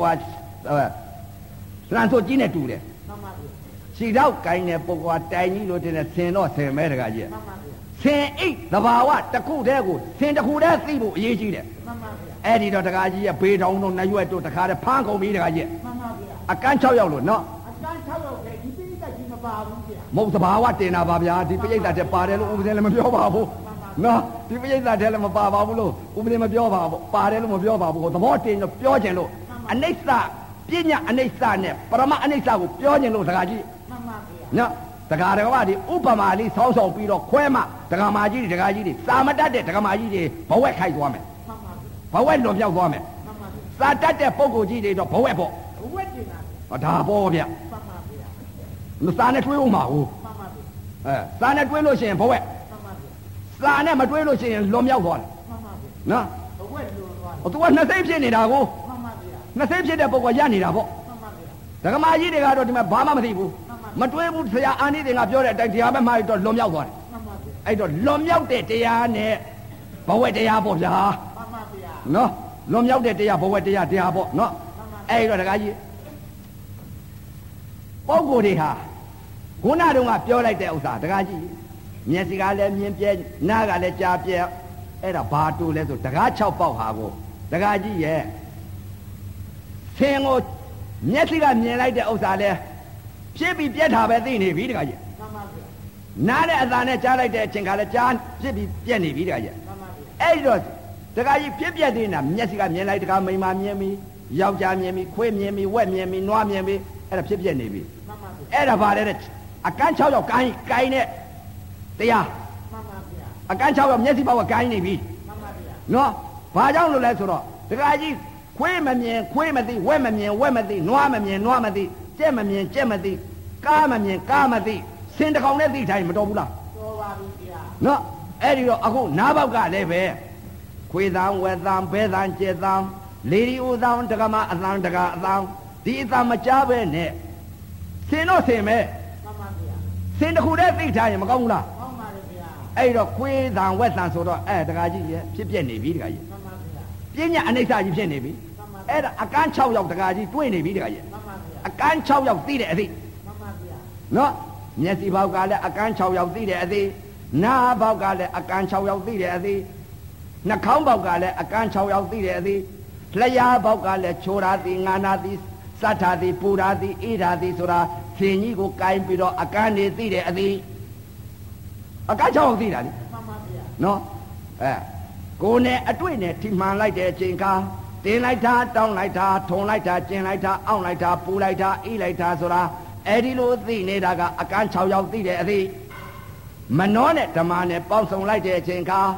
ကောင်းတယ်မကောင်းတယ်လို့သိလိုက်တာကအကန်း6ရောက်သိတဲ့အသည့်မှန်ပါဗျာအဲ့ဒီလိုသိနေပြီဆိုရင်အနိစ္စဖြစ်နေပြီတခါကြီးမှန်ပါဗျာပညာအနိစ္စကြီးဖြစ်မနေဘူးလားဖြစ်ပါတယ်ဗျာအဲ့ဒီလိုသိနေလို့ရှိလို့ရှိရင်တခါကြီးပညာအမြင်ပညာဟုတ်ကိုလားမဟုတ်ပါဗျာအဲ့ဒီတော့တကာကြီးရဲ့သာဘိသင်္ခါရအနိစ္စမလို့သာဘိသင်္ခါရအနိစ္စကိုတဲ့သင်္ခါရအနိစ္စပဲသိပါတယ်ဗျာအဲသာဘိသင်္ခါရအနိစ္စကို ယထာပညာယပတ္တိတဲ့အဲ့ဒီသင်္ခါရအနိစ္စကိုတဲ့ထိုးထွင်းပြီးတော့ယထဘူတအမှန်မြင်လို့ရှိရင်ပညာနဲ့မြင်လို့ရှိရင်တဲ့အဲ့ဒါမဲ့ခင်လမ်းကြောင်းဒီလမ်းပေါ်ရောက်ပြီတဲ့မှန်ပါဗျာတလမ်းကြောင်းတည်းပဲရှိတယ်တဲ့သတိပဋ္ဌာန်တရားလေးပါဟောတယ်မဟုတ်လားမှန်ပါဗျာဧကယာနောဆိုတာတစ်ခုတည်းတည်းမှန်ပါဗျာသတိပဋ္ဌာန်တရားလေးပါလားဧကောတမောတစ်ခုတည်းတည်းမှန်ပါဗျာအဲ့ဒီတော့ဒကာကြီးရဲ့ဒီသဗ္ဗေသင်္ခါရအနိစ္စကို ပညာနဲ့မြင်လိုက်ပြီဆိုလို့ရှိရင်ဖြင့်ပညာအနိစ္စလွတ်သွားလိမ့်မယ်ဒကာကြီးလွတ်ပါတယ်ဗျာပညာအနိစ္စလွတ်ပြီးတော့ပရမအနိစ္စသဘောတရားမြင်လိမ့်မယ်ဒကာကြီးမှန်ပါဗျာယထဘူတညာအမှန်မြင်တာကိုဒကာကြီးသင်္ကောင်ကြီးမြင်ပါတယ်ဗျာသင်္ကောင်ကြီးမြင်ရမယ်မှန်ပါဗျာနော်သင်္ကောင်ကြီးမြင်လို့ရှိရင်သင်ချီယာလိုက်ဖို့လိုသေးလားဘယ်လိုပါဗျာအဲ့တော့အခုတော့ဒကာကြီးရဲ့ဝင်းဝင်းခမ်းများဟာစင်ချီယာလိုက်နေတဲ့စင်ချီယာတွေ့ပြန်တော့ရောတဲ့ဖင်ကောင်တွေ့သလားဆိုတော့မတွေ့ဘူးမှန်ပါဗျာ အဲ့ဒီတော့ဒကာကြီးတို့ဥပဇင်တော့ဥပဇင်လည်းခဏခဏဟောတယ်ဒကာကြီးမှန်ပါဗျာနော်ဒီအချိန်ဒီခါမှာနောက်ပိတ်ဆုံးသာသနာကာလဝိမု ക്തി ယူကခေအနတ္တသာသနာမှာတပတ်ပြန်လှည့်လာတော့ဒကာကြီးဖင်ကောင်ကြီးမြင်နေလို့ရှိရင်ဒကာဒကမတွေဖင်ကောင်ကြီးကိုအမိအယပေးမယ်မှန်ပါဗျာစင်ချီယာမရှာနိုင်ဘူးမှန်ပါဗျာဖင်ကောင်ကြီးကိုစင်သိရင်တော်ရောပေါ်ဒကာကြီးသင်ကြီးရမချားတော့ပါဘူးဗျာ အဲမရှားတော့အဲ့တော့နောက်ပိတ်ဆုံးသာသနာကလည်းလောကကြီးမှာခကြီးသွားနေတဲ့ဥစ္စာတကကြီးရဲ့ဖော်ကားတဲ့ဂျက်ကမြန်တယ်လို့ပြောတယ်တကကြီးမှန်ပါဗျာနော်အဲ့ဒီဂျက်ကိုဂျက်ကိုစီးရလို့ရှိလို့ရှိရင်ဖြင့်တကကြီးမကောင်းပြီဘူးလားကောင်းပါတယ်ဗျာအဲ့တော့ဖယားဟောထားတဲ့တရားတရားသာဘေသင်္ခါရအနေစာယထာပညာယပတ္တိဆိုတော့ယထဘူတအမှန်တရားတွေကိုယုံနဲ့နာနဲ့ပညာမြင်သွားပြီဆိုလို့ရှိရင်တကကြီးဂျက်စီပြီဗျမှန်ပါဗျာအဲ့တော့ဒကမာကြီးတွေဒကာကြီးတွေယထဘူတ ညာရအောင်အမှန်တရားကိုယုံနဲ့နာနဲ့သဘာဝလက္ခဏာကိုပညာမြင်အောင်ပေးလိုက်လို့ရှိရင်ဒကမာကြီးတွေကြက်မသိပြီဘူးလားပြီးပါတယ်ဗျာဒကာကြီးတွေတော့ကြက်မသိပြီဘူးလားပြီးပါတယ်ဗျာစင်ချီယာလိုက်ရှာဖို့လိုသေးလားဘယ်လိုပါဗျာချက်ကမြန်တယ်မဟုတ်လားညံပါတယ်ဗျာဖော်ကာကတော့တတနာကြီးကိုမိုင်900တဲ့မှန်ပါဗျာချက်ကတော့ဒကာကြီးလောကီလောကုတ္တရာနှစ်ဌာနရှိတဲ့အ ਨੇ ကဒကာကြီးရဲ့ဒီမှာသဘောတင်ပြတာပါနော် မှန်ပါဗျာချက်ကတော့ဒကာကြီးတနာကြီးကို9ရက်မိုင်ပေါင်း1200ရှိတယ်တဲ့မှန်ပါဗျာအဲ့တော့မိုင်ပေါင်း1200နဲ့သွားလိုက်ရလို့ချင်းမမြန်ဘူးလားဒကာကြီးညံပါတယ်ဗျာ900ဆိုတော့နှေးတယ်မဟုတ်လားမှန်ပါဗျာအဲ့တော့ဒကာဒကမာကြီးတွေကိုသေးသေးချာချာယထဘူတညာအမှန်မြင်လိုက်လို့ရှိလို့ရှိရင်တခါတည်းသွားတာပဲဒကာကြီးမှန်ပါဗျာဘယ်လိုသွားလဲလို့ဆိုလို့ရှိရင်ဒကာကြီးမြတ်စွာဘုရားလက်ထက်ကယထဘူတညာအမှန်မြင်ပြီးတော့သောတာပန်ကနေသရဂံသရဂံကနေပြီးအနာဂံ အနာဂံကနေပြီးယဟန္တာယဟန္တာဖြစ်သွားတော့ဘုရားရှင်လက်ထက်ကဘိတ်ဆုံးမှာညီတော်အာနန္ဒာမဟုတ်လားတခါကြီးမှန်ပါဗျာညီတော်အာနန္ဒာပြောလိပြောတာရှိတယ်မဟုတ်လားတခါကြီးမှန်ပါဗျာညီတော်အာနန္ဒာဟိတဲ့ပြောပြညာလို့ပြောတာနော်မှန်ပါဗျာပြညာလို့ပြောတော့အဲ့တော့ဘယ်လိုပြောလဲဆိုတော့ပြညာလို့ညီတော်အာနန္ဒာဟာညီတော်အာနန္ဒာယဟန်ကိစ္စပြီးသွားတဲ့ဥစ္စာလက်ဦးတော့ကသမာဓိလွန်ကဲ့ပြီးနေလိုက်တဲ့အချိန်ခါမှာသူမှာ ယဟန်ကိစ္စမပြီးဘူးတခါကြီးအာယုံမတက်ဖြစ်ပေါ့ဗျာအာယုံမတက်ခင်မှန်ပါဗျာအဲ့တော့အာယုံလက်တက်ပြီးလက်တက်ရောတခါကြီးရဲ့စိတ်စောလေးကလည်းကြာသွားတော့တခါကြီးသမာဓိလေးကလည်းကြာသွားတဲ့အချိန်ခါကျတော့အဲငါတော့မရတော့ပါဘူးအိတ်လိုက်မယ်ဆိုတော့အဲ့တော့ခေါင်းဦးလည်းမထိဘူးတဲ့တခါကြီးမှန်ပါဗျာနော်ခေါင်းဦးလည်းမထိအောက်ကြောနဲ့လည်းမထိပဲနဲ့ခွလိခွလတ်ကိုသွားပြီးတော့အဲ့ဒီညီတော်အာနန္ဒာယဟန်ကိစ္စပြီးသွားတယ်လို့ပြောတယ် စိတ်တခဏလေးနဲ့ကိစ္စပြီးတာပါနော်မှန်ပါဗျာအဲ့ဒါဥပမာရဲ့သဘောတရားဆောင်းရတာနော်တင်ပြတာပါတင်ပြတာနော်မှန်ပါဗျာစိတ်ဆိုတဲ့ဥစ္စာတကားကြီးရဲ့အဲစိတ်ကထလေးနဲ့တခါတည်းညီတော်အာနန္ဒာနောက်ပိတ်ဆုံးသာသနာမှာအဲလျှောက်လိုက်တဲ့အချိန်ကခွလိခွလတ်ကလေးဟာဖြစ်သွားတယ်ဆိုတဲ့ဥစ္စာယဟန်ကိစ္စပြီးသွားတယ်ဆိုတာတကားကြီးဂျာကာလပြောတာမှန်ပါဗျာဒုက္ခနဲ့ဒုက္ခလွတ်သွားတာမှန်ပါဗျာအဲ့ဒါတော့မသိပဲနဲ့ ဒါတော့မသိဘူးမှန်ပါဗျာပညာကြီးသိနေတယ်မှန်ပါဗျာအဲညီတော်အာနန္ဒာဟာပြင်းတဲ့တခါတည်းကိုလျှောက်လိုက်မယ်ဆိုတော့တခါတည်းကိုအဲဥပမာဆောင်းဆောင်ပြီးပြောရတာတခါကြီးရဲ့မှန်ပါဗျာအဲ့ဒီဥပမာဆောင်ပြီးမှတခါတကမတွေသဘောပေါက်အောင်ပြောရတာဗျမှန်ပါဗျာနော်ညီတော်အာနန္ဒာအဲခေါင်းလည်းမထိဘူးခွလိခွလကလေးမှာယဟန်ကိစ္စပြီးသွားတယ်ဆိုတော့ဒုက္ခဝေဒနာဒုက္ခဝေဒနာကြားထဲမှာလွတ်သွားတာမှန်ပါဗျာစိတ်ကလေးမှန်ပါဗျာ အလေအလတ်ကလေးမှာဒုက္ခဒုက္ခချုပ်သွားတာလက်တစီလက်တလိမ်ကလေးခလဲအောက်လည်းမကြဘူးအထက်လည်းမကြအထက်လည်းမရောက်ဘူးအောက်လည်းမကြဘူးဆိုတာအဲ့ဒါဂျားစိတ်ပြောတာမှန်ပါဗျာပရမတ်ကိုသိကောင်းတဲ့တရားမျိုးမဟုတ်ဘူးမသိနိုင်မမြင်နိုင်ပါဗျာအဲ့ဒီလိုသိလိုက်လို့ရှရင်ဟိုကပြညာတန်ထွက်လိုက်တဲ့ကတည်းကပရမတ်သိတယ်မှန်ပါဗျာအော်သူပြညာတန်သိတာကိုညီတော်အာနန္ဒာအိတ်လိုက်တယ်ဆိုတဲ့ကခေါင်းလည်းမထိဘူးဘာလဲခွလိခွလမှာဒီလိုပဲရဟန်းကိစ္စပြီးသွားတယ်ဒီရက်နေတယ်ဆိုတဲ့ဥစ္စာ ဂျားကာလပြောတာပညာကြည့်ပြောတာပါဗျာအဲ့ဒီသဘောကိုပေါက်ဖို့အရေးကြီးတယ်မှန်။နောက်ကြတော့မှညီတော်အာနန္ဒာအဲအရဟတမေအရဟတဖို့ရလို့ဂျာကာလစိတ်ကလေးကိုဖြစ်နေပုံဘယ်စိတ်နဲ့ဘယ်စိတ်ကြားထဲမှာဘယ်လိုစိတ်ဖြစ်တယ်ဆိုတဲ့ဥစ္စာကိုခွလိခွလစိတ်ကလေးကိုဒကာရမတွေလာရောက်တဲ့ဒကာရမတွေသက်တေခံလေးကိုဘာသာလို့တင်ပြမယ်မှန်ပါဗျာ။စိတ်ကိုပြောခြင်းလို့မှန်ပါဗျာနော်မသိလို့ပြောတယ်မဟုတ်ဘူးမှန်ပါသိလို့ကိုပြောတာမှန်ပါဗျာ အာနကိုကလှုပ်ထားတာဟိုတကကြီးမှန်ပါဗျာ20နဲ့တလအယုကြီးကြီးအေးခန်းခါစာလို့တော့ဘာမှကိုမသိဘူးဒီမဲ့အရှုံးပေးတယ်ဘူးကိုပိတ်တာမှန်ပါဗျာစိတ်ကလေးတွေစစ်ထားတာကတော့ကိုယ်စိတ်ကလေးတွေကိုအချတာအကုန်သိတယ်ဒါကြောင့်မလို့စိတ်ကိုလာမေးလို့သိရင်သိမသိတရားရအဲကိုယ်စိတ်ကလေးကိုတော့တခါကြီးစိတ်ကလေးတွေအကုန်သိတယ်မှန်ပါဗျာဘာကြောင့်လဲတဲ့ဟိုကပြောလိုက်တဲ့ဒီကစိတ်တွေအကုန်သိတာဟုတ်တမှကယ်န်ပါဗျာကိုယ်စိတ်ကိုစစ်ထားလို့မှန်ပါကိုယ်စိတ်ကိုစိတ်ထားတော့သိတာပေါ့မှန်ပါနော်အဲဒီတော့တခါကြီး ယထဘူတအမှန်မြင်ရမယ်လို့ဘုရားကဟောထားပြီတခါကြီးမှန်ပါဗျာနော်သာဘိသင်္ခါရအနိစ္စယထာပညာယပတ္တိအထအနိဗ္ဗေတတိဒုက္ခိဣသာမေဃောဝိသုဒ္ဓိယနော်မှန်ပါဗျာအဲ့ဒီတော့ပုဂ္ဂိုလ်တွေပုဂ္ဂိုလ်တွေယထဘူတအမှန်တရားတွေမမြင်တော့တကားကြီးမျက်စိတကားနားတကားနှာခေါင်းတကားပဇာတကားကိုယ်တကားမနောတကားတကား6ပေါက်အာယုံကအာယုံ6နဲ့တိုက်ခိုက်တိုင်တိုက်ခိုက်တိုင်ဟာဥပါဒံဤခန္ဓာ၅ပါးဖြစ်ပြီးတော့ယုံနာတတ္တာ တတ္တလောကတွေတတ္တဝါတွေဖြစ်ကြတယ်တကားကြီးမှန်ပါဗျာနော်မြင်လိုက်တဲ့အချိန်ခါတကားကြီးရဲ့ရုပ်ကိုသွားမြင်လိုက်တာဒီကနံခန္ဓာလေးပါသွားတာမှန်ပါဗျာနံခန္ဓာလေးပါးနဲ့ရုပ်နဲ့ပေါင်းစုံလိုက်တော့ခန္ဓာ၅ပါးဖြစ်ဖြစ်သွားတာဥပဒံလည်းဖြစ်သွားပါတယ်ဥပါဒံခန္ဓာ၅ပါးဖြစ်သွားတာအဲ့ဒီစိတ်တွေကိုတကားကြီးသိနေတာတကားကြီးရဲ့မှန်ပါကိုယ်စိတ်ကိုယ်စိတ်တော့တကားကြီးရဲ့ဒါကြောင့်မလို့မြင်လိုက်တဲ့အချိန်ကဥပါဒံခန္ဓာ၅ပါးဖြစ်ဖြစ်ပြီးတော့ ဒါကြောင့်မလို့စိတ်တွေစစ်ထားတော့စိတ်ကလေးကအရိယာများဟာဒီစိတ်တွေဖြစ်မှာတေကြောက်တယ်တကားကြီးမှန်ပါဗျာဒါကြောင့်မလို့ဒီခန္ဓာ၅ပါးဖြစ်လိုက်ပြီဆိုလို့ရှိရင်တခါကြီးရဲ့အနိစ္စဆိုတဲ့သင်္ခါရသဘောတရားတွေဖြစ်ကုန်ပြီတခါကြီးမှန်ပါဗျာအဲ့ဒီအနိစ္စဆိုတဲ့သင်္ခါရသဘောတရားတွေဘုရားကဒါတွေကိုလွတ်မြောက်အောင်ယထဘူတအမှန်မြင်ပညာနဲ့မြင်ရအောင်ယုံနာကိုမြင်အောင်ကြည့်တယ်မှန်ပါပဗျာညာလူတင်စားပြောရင်မှန်ပါဗျာအဲ့ဒီတော့ယုံနာကိုမြင်အောင်မကြည့်ဘူးတခါကြီးရဲ့မှန်ပါဗျာ ဖယားဟောထားတဲ့သာဘိသင်္ခါရအနိစ္စမြင်ပြဲကြားပြဲနာမ်ပြဲစားပြဲထီပြဲသိပြဲအဲကြားပြဲအကုန်ဓာတ်တွေဖယားခေါ်ဟောသမုတ်ထားတဲ့ဒေသနာအစဉ်အထိုက်ဒါပဲဖြစ်ပြပဲသိမှန်ပါဗျာဖယားကတော့သင်္ခါရသာဘိသင်္ခါရအနိစ္စယထာပညာရောက်အဲ့ဒီအနိစ္စသင်္ခါရကိုပညာနဲ့မြင်အောင်ကြည့်လိုက်စမ်းပါတဲ့မင်းတို့မှန်ပါဗျာပညာနဲ့မြင်လို့ရှိရင်ဒီအနိစ္စသဘောတရားသင်္ခါရတွေချုပ်ကုန်ပါလိမ့်မယ်တဲ့မှန်ပါဗျာ ပရမတ်ကိုထိုးပြတယ်မှန်ပါဗျာအဲ့တော့ပရမတ်ထိုးပြတော့အခုဒီပုံကိုယ်တွေဘာဖြစ်လဲဆိုတော့ပညာသာမြင်နေပြီတခါကြီးမှန်ပါပဗျာညာမြင်နေတော့ခန္ဓာ၅ပါးယုံနာတရားဖြစ်နေတဲ့မျက်စိနဲ့မြင်လိုက်တဲ့အချိန်ကခန္ဓာ၅ပါးဖြစ်နေတာမသိဘူးတခါကြီးမှန်ပါဗျာဘယ်လိုခါယထာဘုဒ္ဓညာမမမြင်မဲနဲ့မှန်ပါဗျာယထာဘုဒ္ဓညာမမြင်တော့တခါကြီးတခါ6ပေါက်ကအာယုံကအာယုံ6နဲ့တိုက်ခိုက်တိုင်းတိုက်ခိုက်တိုင်းဘယ်လိုမြင်လဲဖယားကတခါဟောထားပြန်ပြီသတ္တလောကသင်္ခါရလောကဩကာသလောကလောက၃ပါးမှန်ပါဗျာ လောက၃ပါးပုံ၃ပါးဟာဖြင့်သတ္တလောကသတ္တဝါတွေဖြစ်ရပြန်ပြီမှန်ပါဗျာအခုတကာကြီးတို့အခုဥစဉ်တို့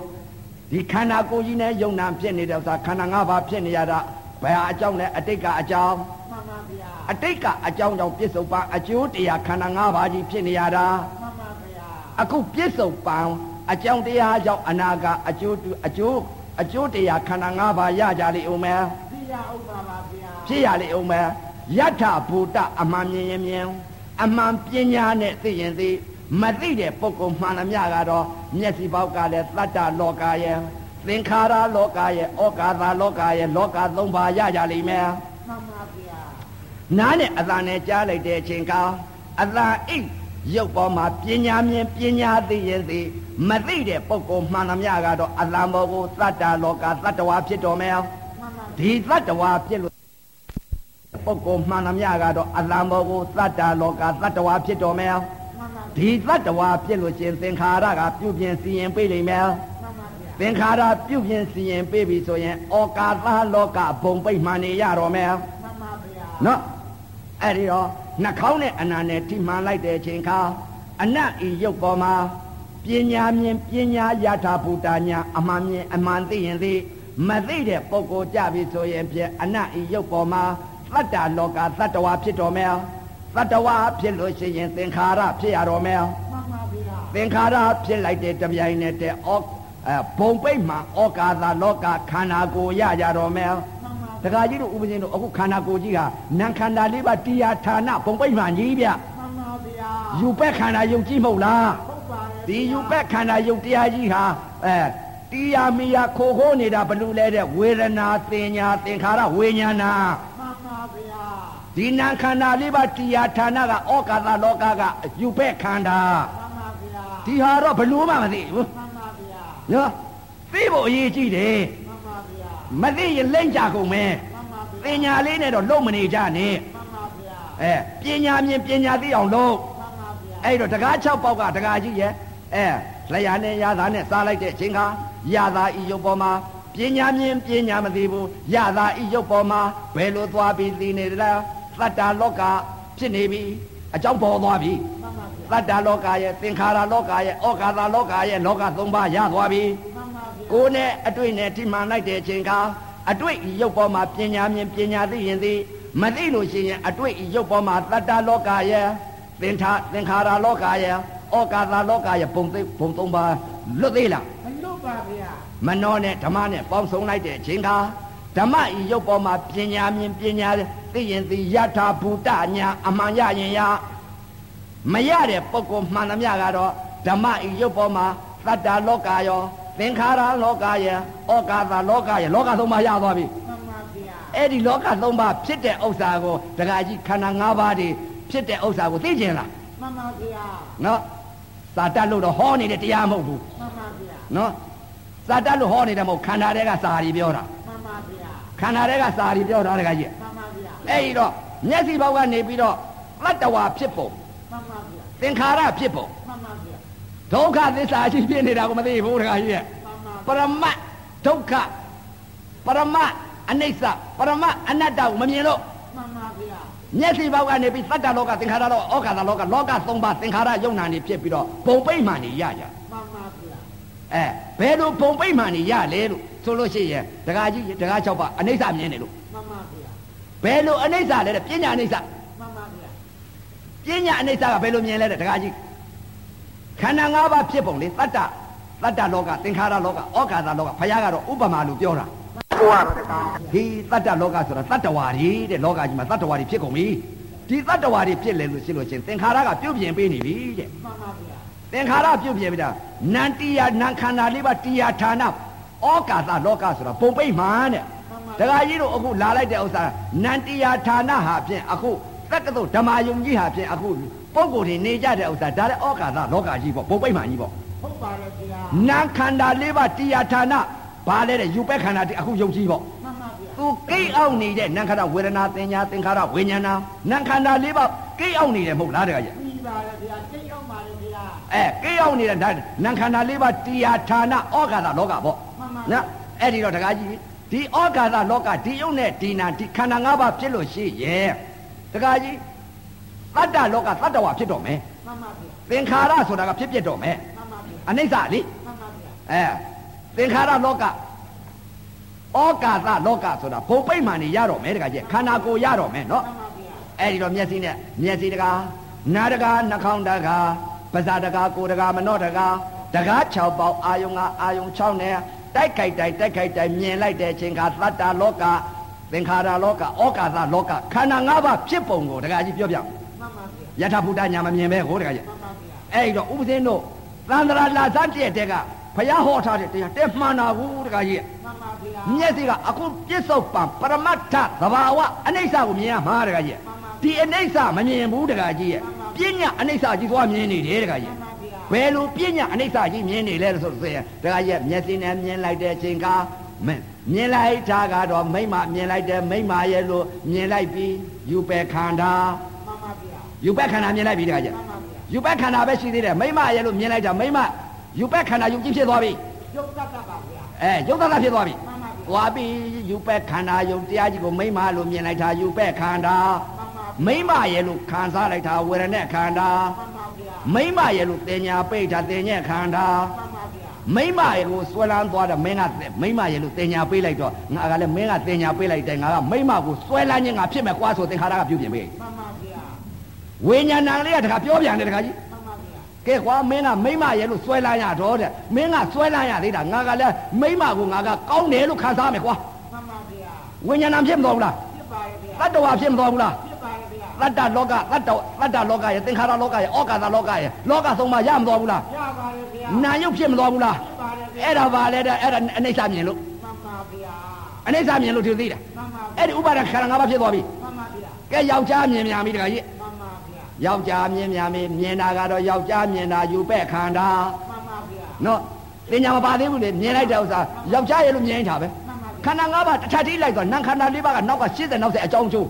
လိုက်ဆိုတော့နံခန္ဓာ၄ပါးကမြန်နေတယ်ခါကြီးမှန်ပါဗျာမျက်စိနဲ့မြင်လိုက်တဲ့အချိန်ကယောက်ျားမြင်လိုက်တာနဲ့ခံစားလိုက်ယောက်ျားခံစားလိုက်တာပဲယောက်ျားရဲ့လို့တင်ညာပေးလိုက်တာပဲယောက်ျားရဲ့လို့ဆွဲလန်းသွားတာပဲယောက်ျားရဲ့လို့ခံစားလိုက်တာပဲမှန်ပါဗျာအဲ့ဒါအနိစ္စပေါ့မှန်ပါဗျာဒါပညာအနိစ္စပေါ့ဟုတ်ပါရဲ့ဗျာဟုတ်ကဲ့လားဟုတ်ပါရဲ့ဗျာဒါပရမအနိစ္စလားဟုတ်ပါဗျာအခုဒီအနိစ္စပဲသဗ္ဗေသင်္ခါရအနိစ္စဒါပဲသိရတယ်တခါကြီးမှန်ပါဗျာဒီသိလို့တခါကြီးလို့ဒီမဲ့လွတ်ပါမလားဖိလို့ပါဗျာအဲ့မျက်စိပေါက်ကလည်း သတ္တလောကရဲ့သင်္ခါရလောကရဲ့ဩကာသလောကရဲ့ဒါဖြစ်ကုန်ပြီတခါကြီးမှန်ပါဗျာမျက်စိနဲ့မြင်လိုက်တဲ့အချိန်ခါသတ္တလောကသင်္ခါရလောကဩကာသလောကခွေးကိုမြင်လိုက်ကြပြီမှန်ပါဗျာခွေးကိုမြင်ရင်ခွေးကိုမြင်လိုက်တာကတခါကြီးယူပက်ခန္ဓာမှန်ပါဗျာခွေးကိုသိလိုက်တာကခံစားလိုက်တာဝေဒနဲ့ခန္ဓာခွေးရဲ့လို့တင်ညာပေးလိုက်တာကတင်ညက်ခန္ဓာမှန်ပါဗျာခွေးကိုဆွဲလန်းသွားတာကသင်္ခါရခန္ဓာမှန်ပါဗျာခွေးကိုခံစားလိုက်တာက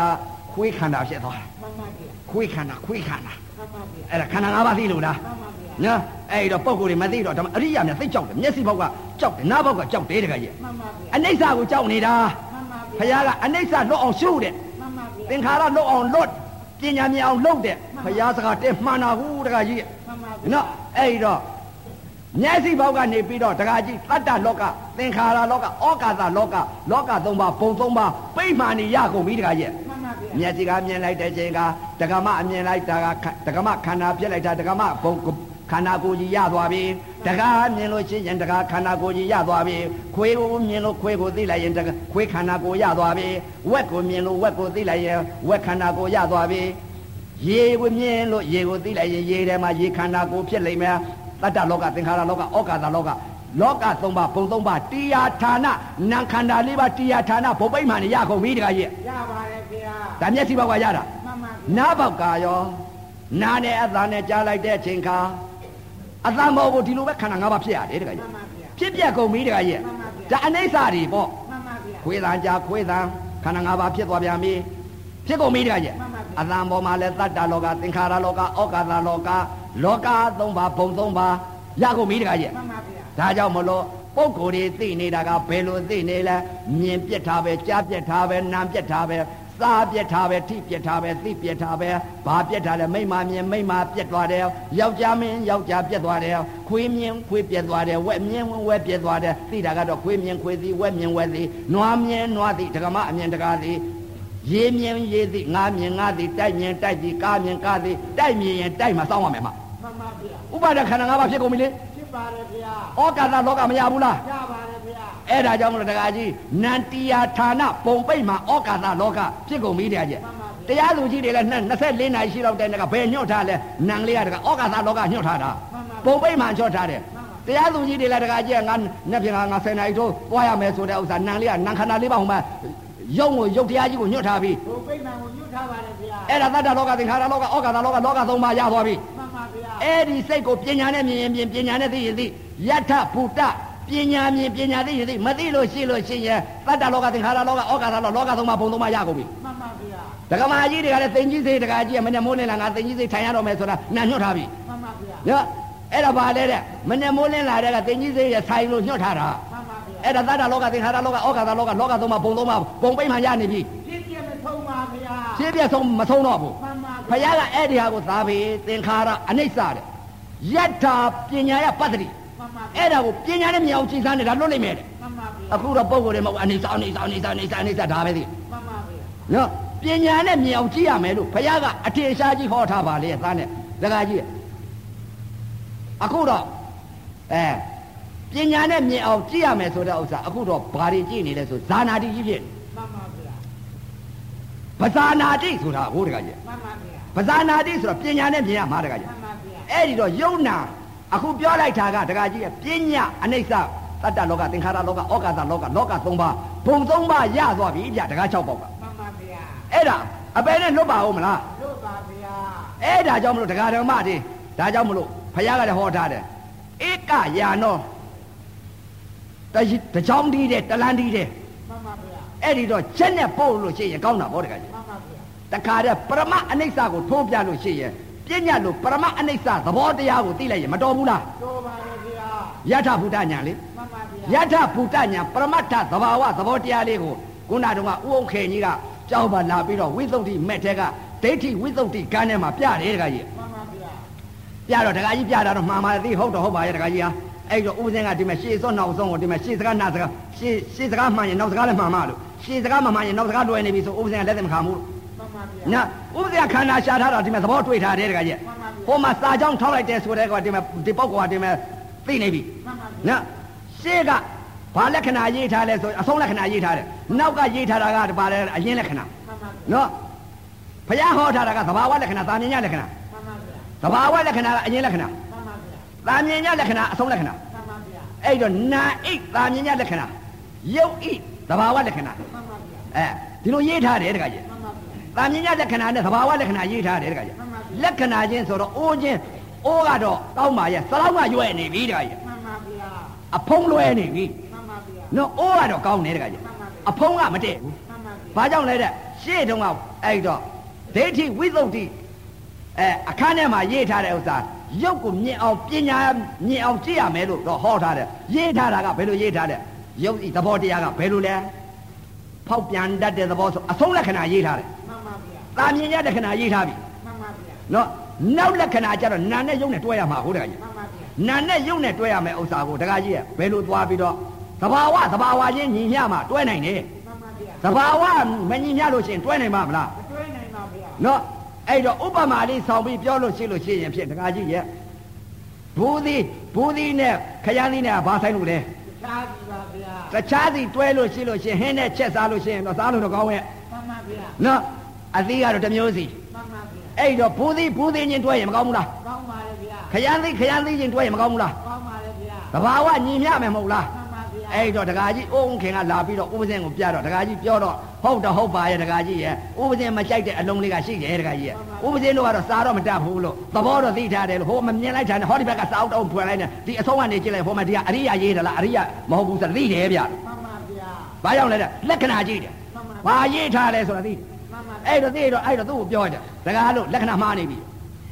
ရှေ့စကားမှန်ရဲ့နောက်စကားမှားနေပြီမှန်ပါဗျာ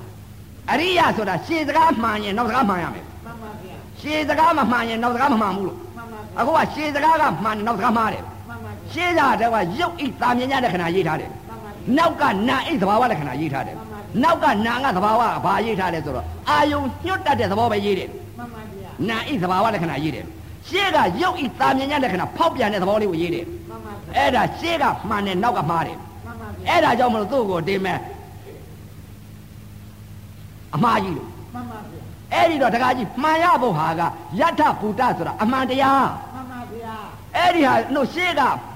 အမှန်ရေးထားပြီးနောက်ကမှားနေလို့ရှိရင်ယထဘူတညာကြပါမလားမကြပါဗျာကဲယထဘူတညာပညာမြင့်ပညာသိရအောင်ကျင့်ညာအထုတ်တဲ့ဒကာဒကမတွေလည်းသဘောပေါက်သွားအောင်ရက်နဲ့သိရဖို့ဟာကိုသဘောလေးတင်ပြမယ်လို့နော်မှန်ပါဗျာခန္ဓာကိုဒကာကြီးကခန္ဓာ၅ပါးရှိတယ်မဟုတ်လားမှန်ပါဗျာခန္ဓာ၅ပါးရှိတော့ဒါဒါသောတာပန်ပုဂ္ဂိုလ်များဟာဒကာကြီးကဘာကိုလဲတဲ့ အနိစ္စရဲ့ဒုက္ခရဲ့အနတ္တရဲ့အဲ့ဒီလက္ခဏာ၃ပါးကိုသတ်ပြစ်တာမှန်ပါဗျာအဲ့ဒီအနိစ္စသင်ညာရဲ့ဒုက္ခသင်ညာရဲ့အနတ္တသင်ညာရဲ့ဒီသင်ညာကိုသတ်ပြစ်တာမှန်ပါဗျာအဲအနိစ္စဒုက္ခအနတ္တဒီဟာသောတာပန်သတ်တာမှန်ပါဗျာသရဂံရဲ့အနာဂံရဲ့ယဟန္တာရဲ့ကအသုဘကိုသတ်တာမှန်ပါဗျာအနိစ္စအဲအနိစ္စဒုက္ခအနတ္တအသုဘတဲ့မှန်ပါလက္ခဏာ၄ပါးမဟုတ်လားရေးပါပါဗျာ အဲ့ဒီအနိစ္စဒုက္ခအနတ္တကဘာလဲဆိုတော့သောတာပန်သတ်ပြစ်မှန်ပါအဲဒီသောတာပန်သတ်ပြစ်တာဒီအနိစ္စဒုက္ခအနတ္တသတ်ပြစ်တာသောတာပန်အသုဘကိုသတ်တာကသရဂံအနာဂံယဟန္တာတဏှာသတ်ကြီးမှန်ပါဗျာအသုဘတဏှာသတ်ကြီးကဲတဏှာပဲလို့သတ်လဲဆိုတော့ကာမကိလေသာခေါင်းပါယုံရလဲဒါပဲပြောတယ်မှန်ပါဗျာနော်လက္ခဏာရေးထားတာလက္ခဏာကိုသဘောသိလားတော့မသိဘူးမှန်ပါဗျာအနိစ္စလက္ခဏာဒုက္ခလက္ခဏာအနတ္တလက္ခဏာအသုဘလက္ခဏာဒီလက္ခဏာဟာသတိပဋ္ဌာန်တရားလေးပါးတဲ့မပါဘူးလား ပါပါတယ်ဗျာပါပါလျက်သားနဲ့ဒီအသုဘလက္ခဏာကိုဘာကြောင့်ဘေးဖယ်ပြီးတော့တခါတည်းလွှန့်ပစ်ထားတာတော့မှန်ပါဗျာနော်အဲ့ဒီလက္ခဏာကိုဒါနဲ့ကောင်းကောင်းမသိလို့ပေါ့မသိလို့ဖေထားတာပါဗျာမသိလို့ဖယ်တာပေါ့မှန်ပါသိရင်ဖယ်ပါမလားမဖေပါဗျာအဲ့ဒီဟာတခါကြီးကဒါကြောင့်မလို့ရှုပ်ဖို့ရှုနေကလည်းဒါနဲ့ယုံနံကွဲဖို့ဟာလည်းအနံခဲရင်နေတခါကြီးရေးရင်ပါတယ်ဗျာဘယ်လိုခွဲရင်လဲအဲ့တော့ရှုပ်ဖို့ရှုနေလေးကိုယုံနံသဘာဝတင်ပြီးတော့ရှုလိုက်ပြီဆိုလို့ရှိရင်တခါကြီးကခန္ဓာတွေကနေပြီးတော့တခါကြီးက နောက်ကြတော့တခါကြီးကဘယ်လိုရှုမလဲဆိုတော့ရှုပ်ဖို့ရှုနေတဲ့ဝေဒနာတစ်ခုပေါ်လာတယ်တခါကြီးမှန်ပါဗျာဝေဒနာတစ်ခုပေါ်လာတဲ့တခါကြီးဝေဒနာကိုယုတ်ရှုနေပြီတခါကြီးမှန်ပါဗျာတင်နာလဲရုပ်ရှူတယ်တောက်နာလဲရုပ်ရှူတယ်ထုံနာလဲရုပ်ရှူတယ်အောင့်နာလဲရုပ်ရှူတယ်ပေါ်တာကတော့တကကြီးပေါ်ပြနေတဲ့သဘောတရားကတင်နာလိုက်တင်နာပေါ်ပြတောက်နာပေါ်ပြထုံနာပေါ်ပြအဲတင်နာတောက်နာတွေကဝေဒနာတွေမဟုတ်လားဟုတ်ပါတယ်ဗျာအဲ့ဒီဝေဒနာတွေကိုရုပ်ရှူလိုက်တော့နောက်ကိုနာမ်ပဲလို့လို့ရှူအောင်ပါတော့ မှန်ပါဗျာမဖြစ်နိုင်ပါဗျာ မဖြစ်နိုင်တော့ဘူးမှန်ပါဗျာဒါကြောင့်တရားမရတာမှန်ပါဗျာနော်သူပြစ္ဆုတ်ပံတဲ့တယ်လေသဘောတင်ရှူရမယ်တကကြီးမှန်ပါဗျာဝေဒနာကိုနာရှူလိုက်ပြီဆိုလို့ရှိရင်တကကြီးရုပ်မပေါ်ဘူးလားပေါ်ပါတယ်ဗျာယထဘုဒ္ဓညာအမှန်မမြင်ဘူးလားမြင်နိုင်ပါတယ်ဗျာဝေဒနာကိုရုပ်ရဲလို့ရှုလိုက်တော့နာမ်နောက်ဘယ်လိုလို့ရှုမလဲဘယ်လိုတွဲမလဲမလွယ်ပါဗျာအဲတွဲလို့မရတော့ဘူးမရပါဘူးအဲ့ဒါကြောင့်မလို့ခြာလပတ်ပြီးလဲပြီးတော့အဲအကန်း6ရောက်လို့ပြောတာမှန်ပါဗျာဒါအကန်း6ရောက်နဲ့မတူဘူးလားပူပါတယ်ဗျာ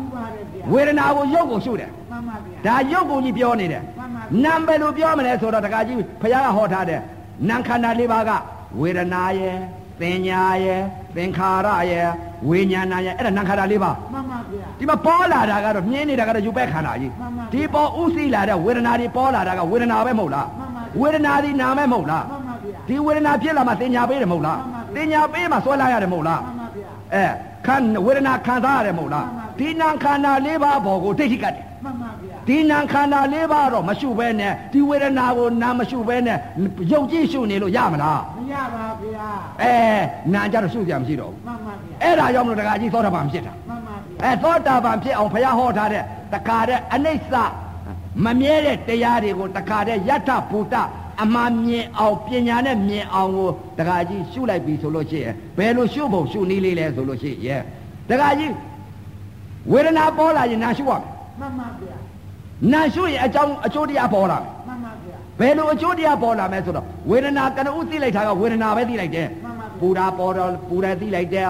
ဓာပေါ်တော့ဣတယ်သိလိုက်တယ်ကြိုက်တာပေါ်တော့ကြိုက်တယ်သိလိုက်တယ်ဒါဝေဒနာသွားသိလိုက်တာမှန်ပါဗျာဝေဒနာပဲမဟုတ်လားဟုတ်ပါတယ်ဗျာကနဦးပေါ်လာတာကဝေဒနာမှန်ပါဗျာ အဲ့ဒီတော့ဝေဒနာပေါ်ပါလျက်သားနဲ့နာမ်ဖြစ်ပါလျက်သားနဲ့ဒီပူတဲ့ဟာကြီးကိုဘာလို့ရုပ်လို့ခေါ်လဲမှန်ပါဗျာဝေဒနာမှန်ပါဗျာအဲ့ဒီဟာရုပ်ရှုလိုက်တော့နောက်ကိုနာမ်ပဲလို့လို့ရှုမလဲကျุလို့မဖြစ်ပါဗျာအဲရှုလို့ဖြစ်လို့ရှုရင်တော့ဒီမှာအဲ့ဒီကြားတဲ့ကရှုလို့ဖြစ်လို့ရှင်းလို့ရှင်းတခါကြီးခွေးများဟာပြင်းရင်လွှားရင်နောက်ကရန်သူလိုက်နေတာကိုတခါကြီးပြင်းရင်လွှားရင်တခါတည်းကိုချိပုံဟမ်းမိတယ်လို့ပေါ့ဗျာမှန်ပါဗျာသောတာပန်ဖြစ်ခြင်းလည်းဖြစ်မှာပေါ့ဗျာနောက်မှပြန်လာရင်တော့ဖြစ်ချင်ဖြစ်မှာပါအဲနောက်ပြန်လာရင်တော့ဖြစ်ခြင်းဖြစ်မယ်ပြင်းရင်လွှားရင် ပြင်းရင်လွှားရင်ဖြစ်ခြင်းလည်းဖြစ်မှာပေါ့မှန်ပါဗျာအဲ့ဒီတော့တခါကြီးရဲ့ဒီမဲ့ပြင်းရင်လွှားရင်မတခါတည်းကိုလွယ်လွယ်ကူကူနဲ့ချက်နဲ့သွားရင်မကောင်းဘူးလားကောင်းပါတယ်ဗျာရက်နဲ့သွားအောင်ကောင်းတယ်ဆိုရင်တခါကြီးရုပ်ကိုရှုမယ်ဆိုလို့ရှိရင်ဘာကိုရှုမလဲတဲ့ရုပ်ဤယထဘူတအမှန်မြင်ရမယ်တရားကဘာလဲတဲ့ရုပ်ကိုမြင်ရရင်နာမ်ကိုမြင်ရရင်ဘယ်လိုမြင်ရမလဲတဲ့ဆိုတော့တခါကြီးကကနဦးရှုလိုက်တာကရုပ်ကိုမြင်ရမှာတခါကြီးမှန်ပါဗျာ တင်လိုက်တောင်းလိုက်ထုံလိုက်ကျင်လိုက်အောင့်လိုက်ဒါပဲသိရမယ်မဟုတ်လားဟုတ်ပါတယ်ဗျာတင်နာတောင်းနာထုံနာကျင်နာအောင့်နာဆိုတော့ကနဦးရှုတဲ့ပုဂ္ဂိုလ်ဟာဝိပဿနာယာနိကဆိုတာကဘာကိုမြင်တယ်လဲရုပ်ကိုအမြင်အရင်မြင်ရလိမ့်မယ်မှန်ပါဗျာဝိပဿနာကိုမှန်ပါဗျာဝိပဿနာယထာဘူတအမှန်မြင်ရမယ်တရားကဘယ်တရားလဲ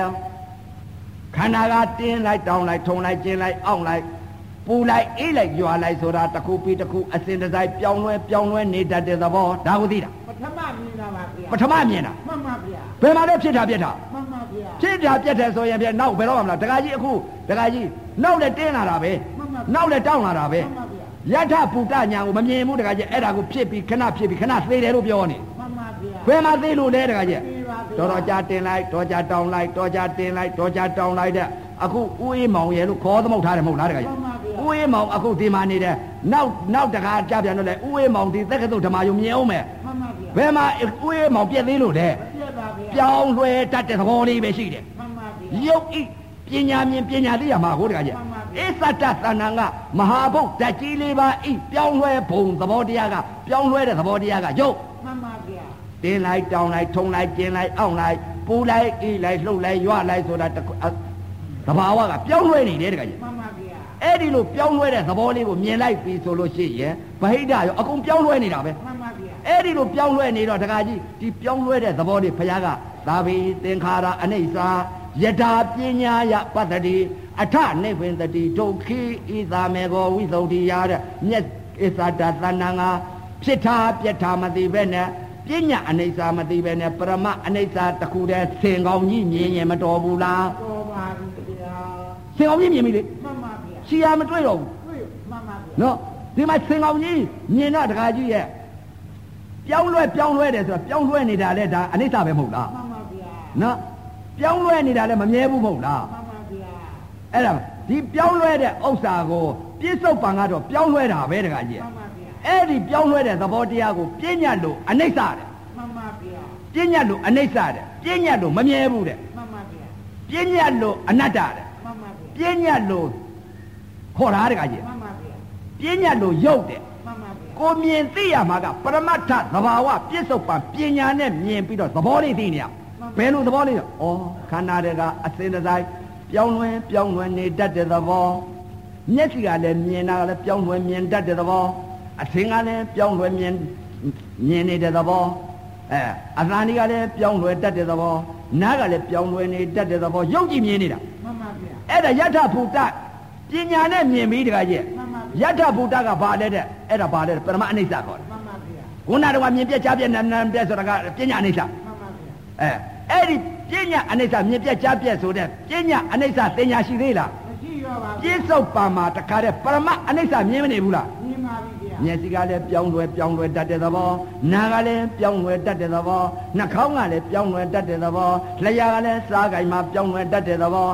ကိုယ်ကလည်းအတွေ့အထိကြိုင်မှာပြောင်းလဲတတ်တဲ့သဘောဓမ္မသိကြိုင်မှာပြောင်းလဲတတ်တဲ့သဘောယူတာလည်းပြောင်းလဲတတ်တဲ့သဘောပေါက်တာလည်းပြောင်းလဲတတ်တဲ့သဘောလှမ်းလိုက်တာလေးလည်းပြောင်းလဲတတ်တဲ့သဘော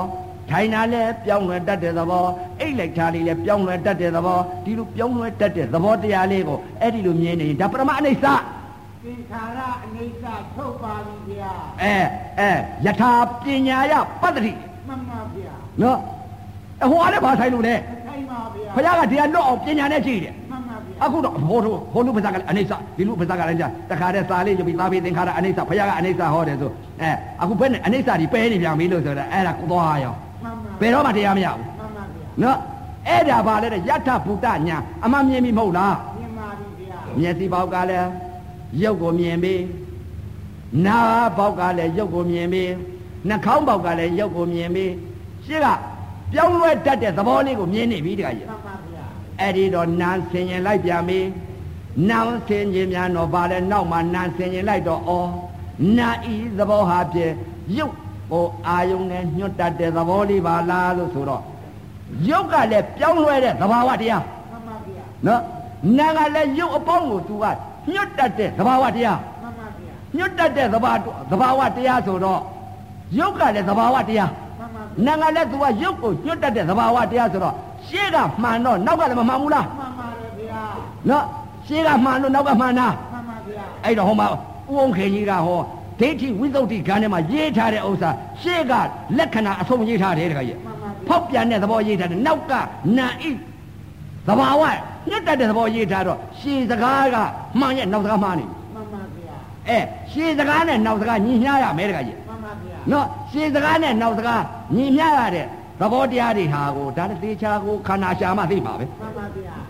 ခန္ဓာမရှာလို့ရှိလို့ရှိရင်စိန်နာမယညာနဲ့ကတော့တွေးတော့ကြံထားတဲ့ညာနေပဲရှိမှန်ပါဗျာဘာဝနာမယညာကတော့တခါကြီးယုံနဲ့နံဘောကသွားတာခန္ဓာတဲ့ရှာမပါဗျာခန္ဓာထဲမရှာလို့ကတော့တွေးမှာမဟုတ်ဘူးမှန်ပါဗျာအဲ့ဒီတော့တခါကြီး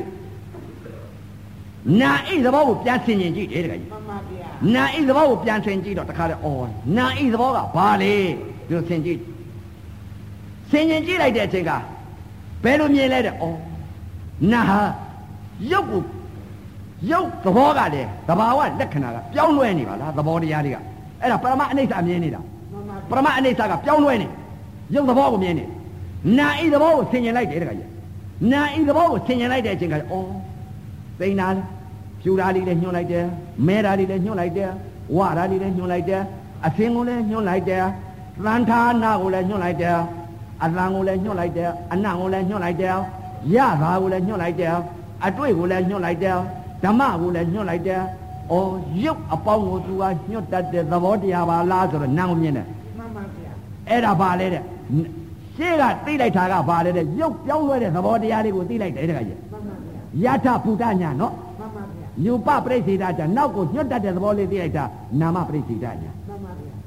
ယူပနာမပရိစ္ဆေဒညာမှန်ပါဗျာယုံနာကိုပိုင်းခြားသိလိုက်တာ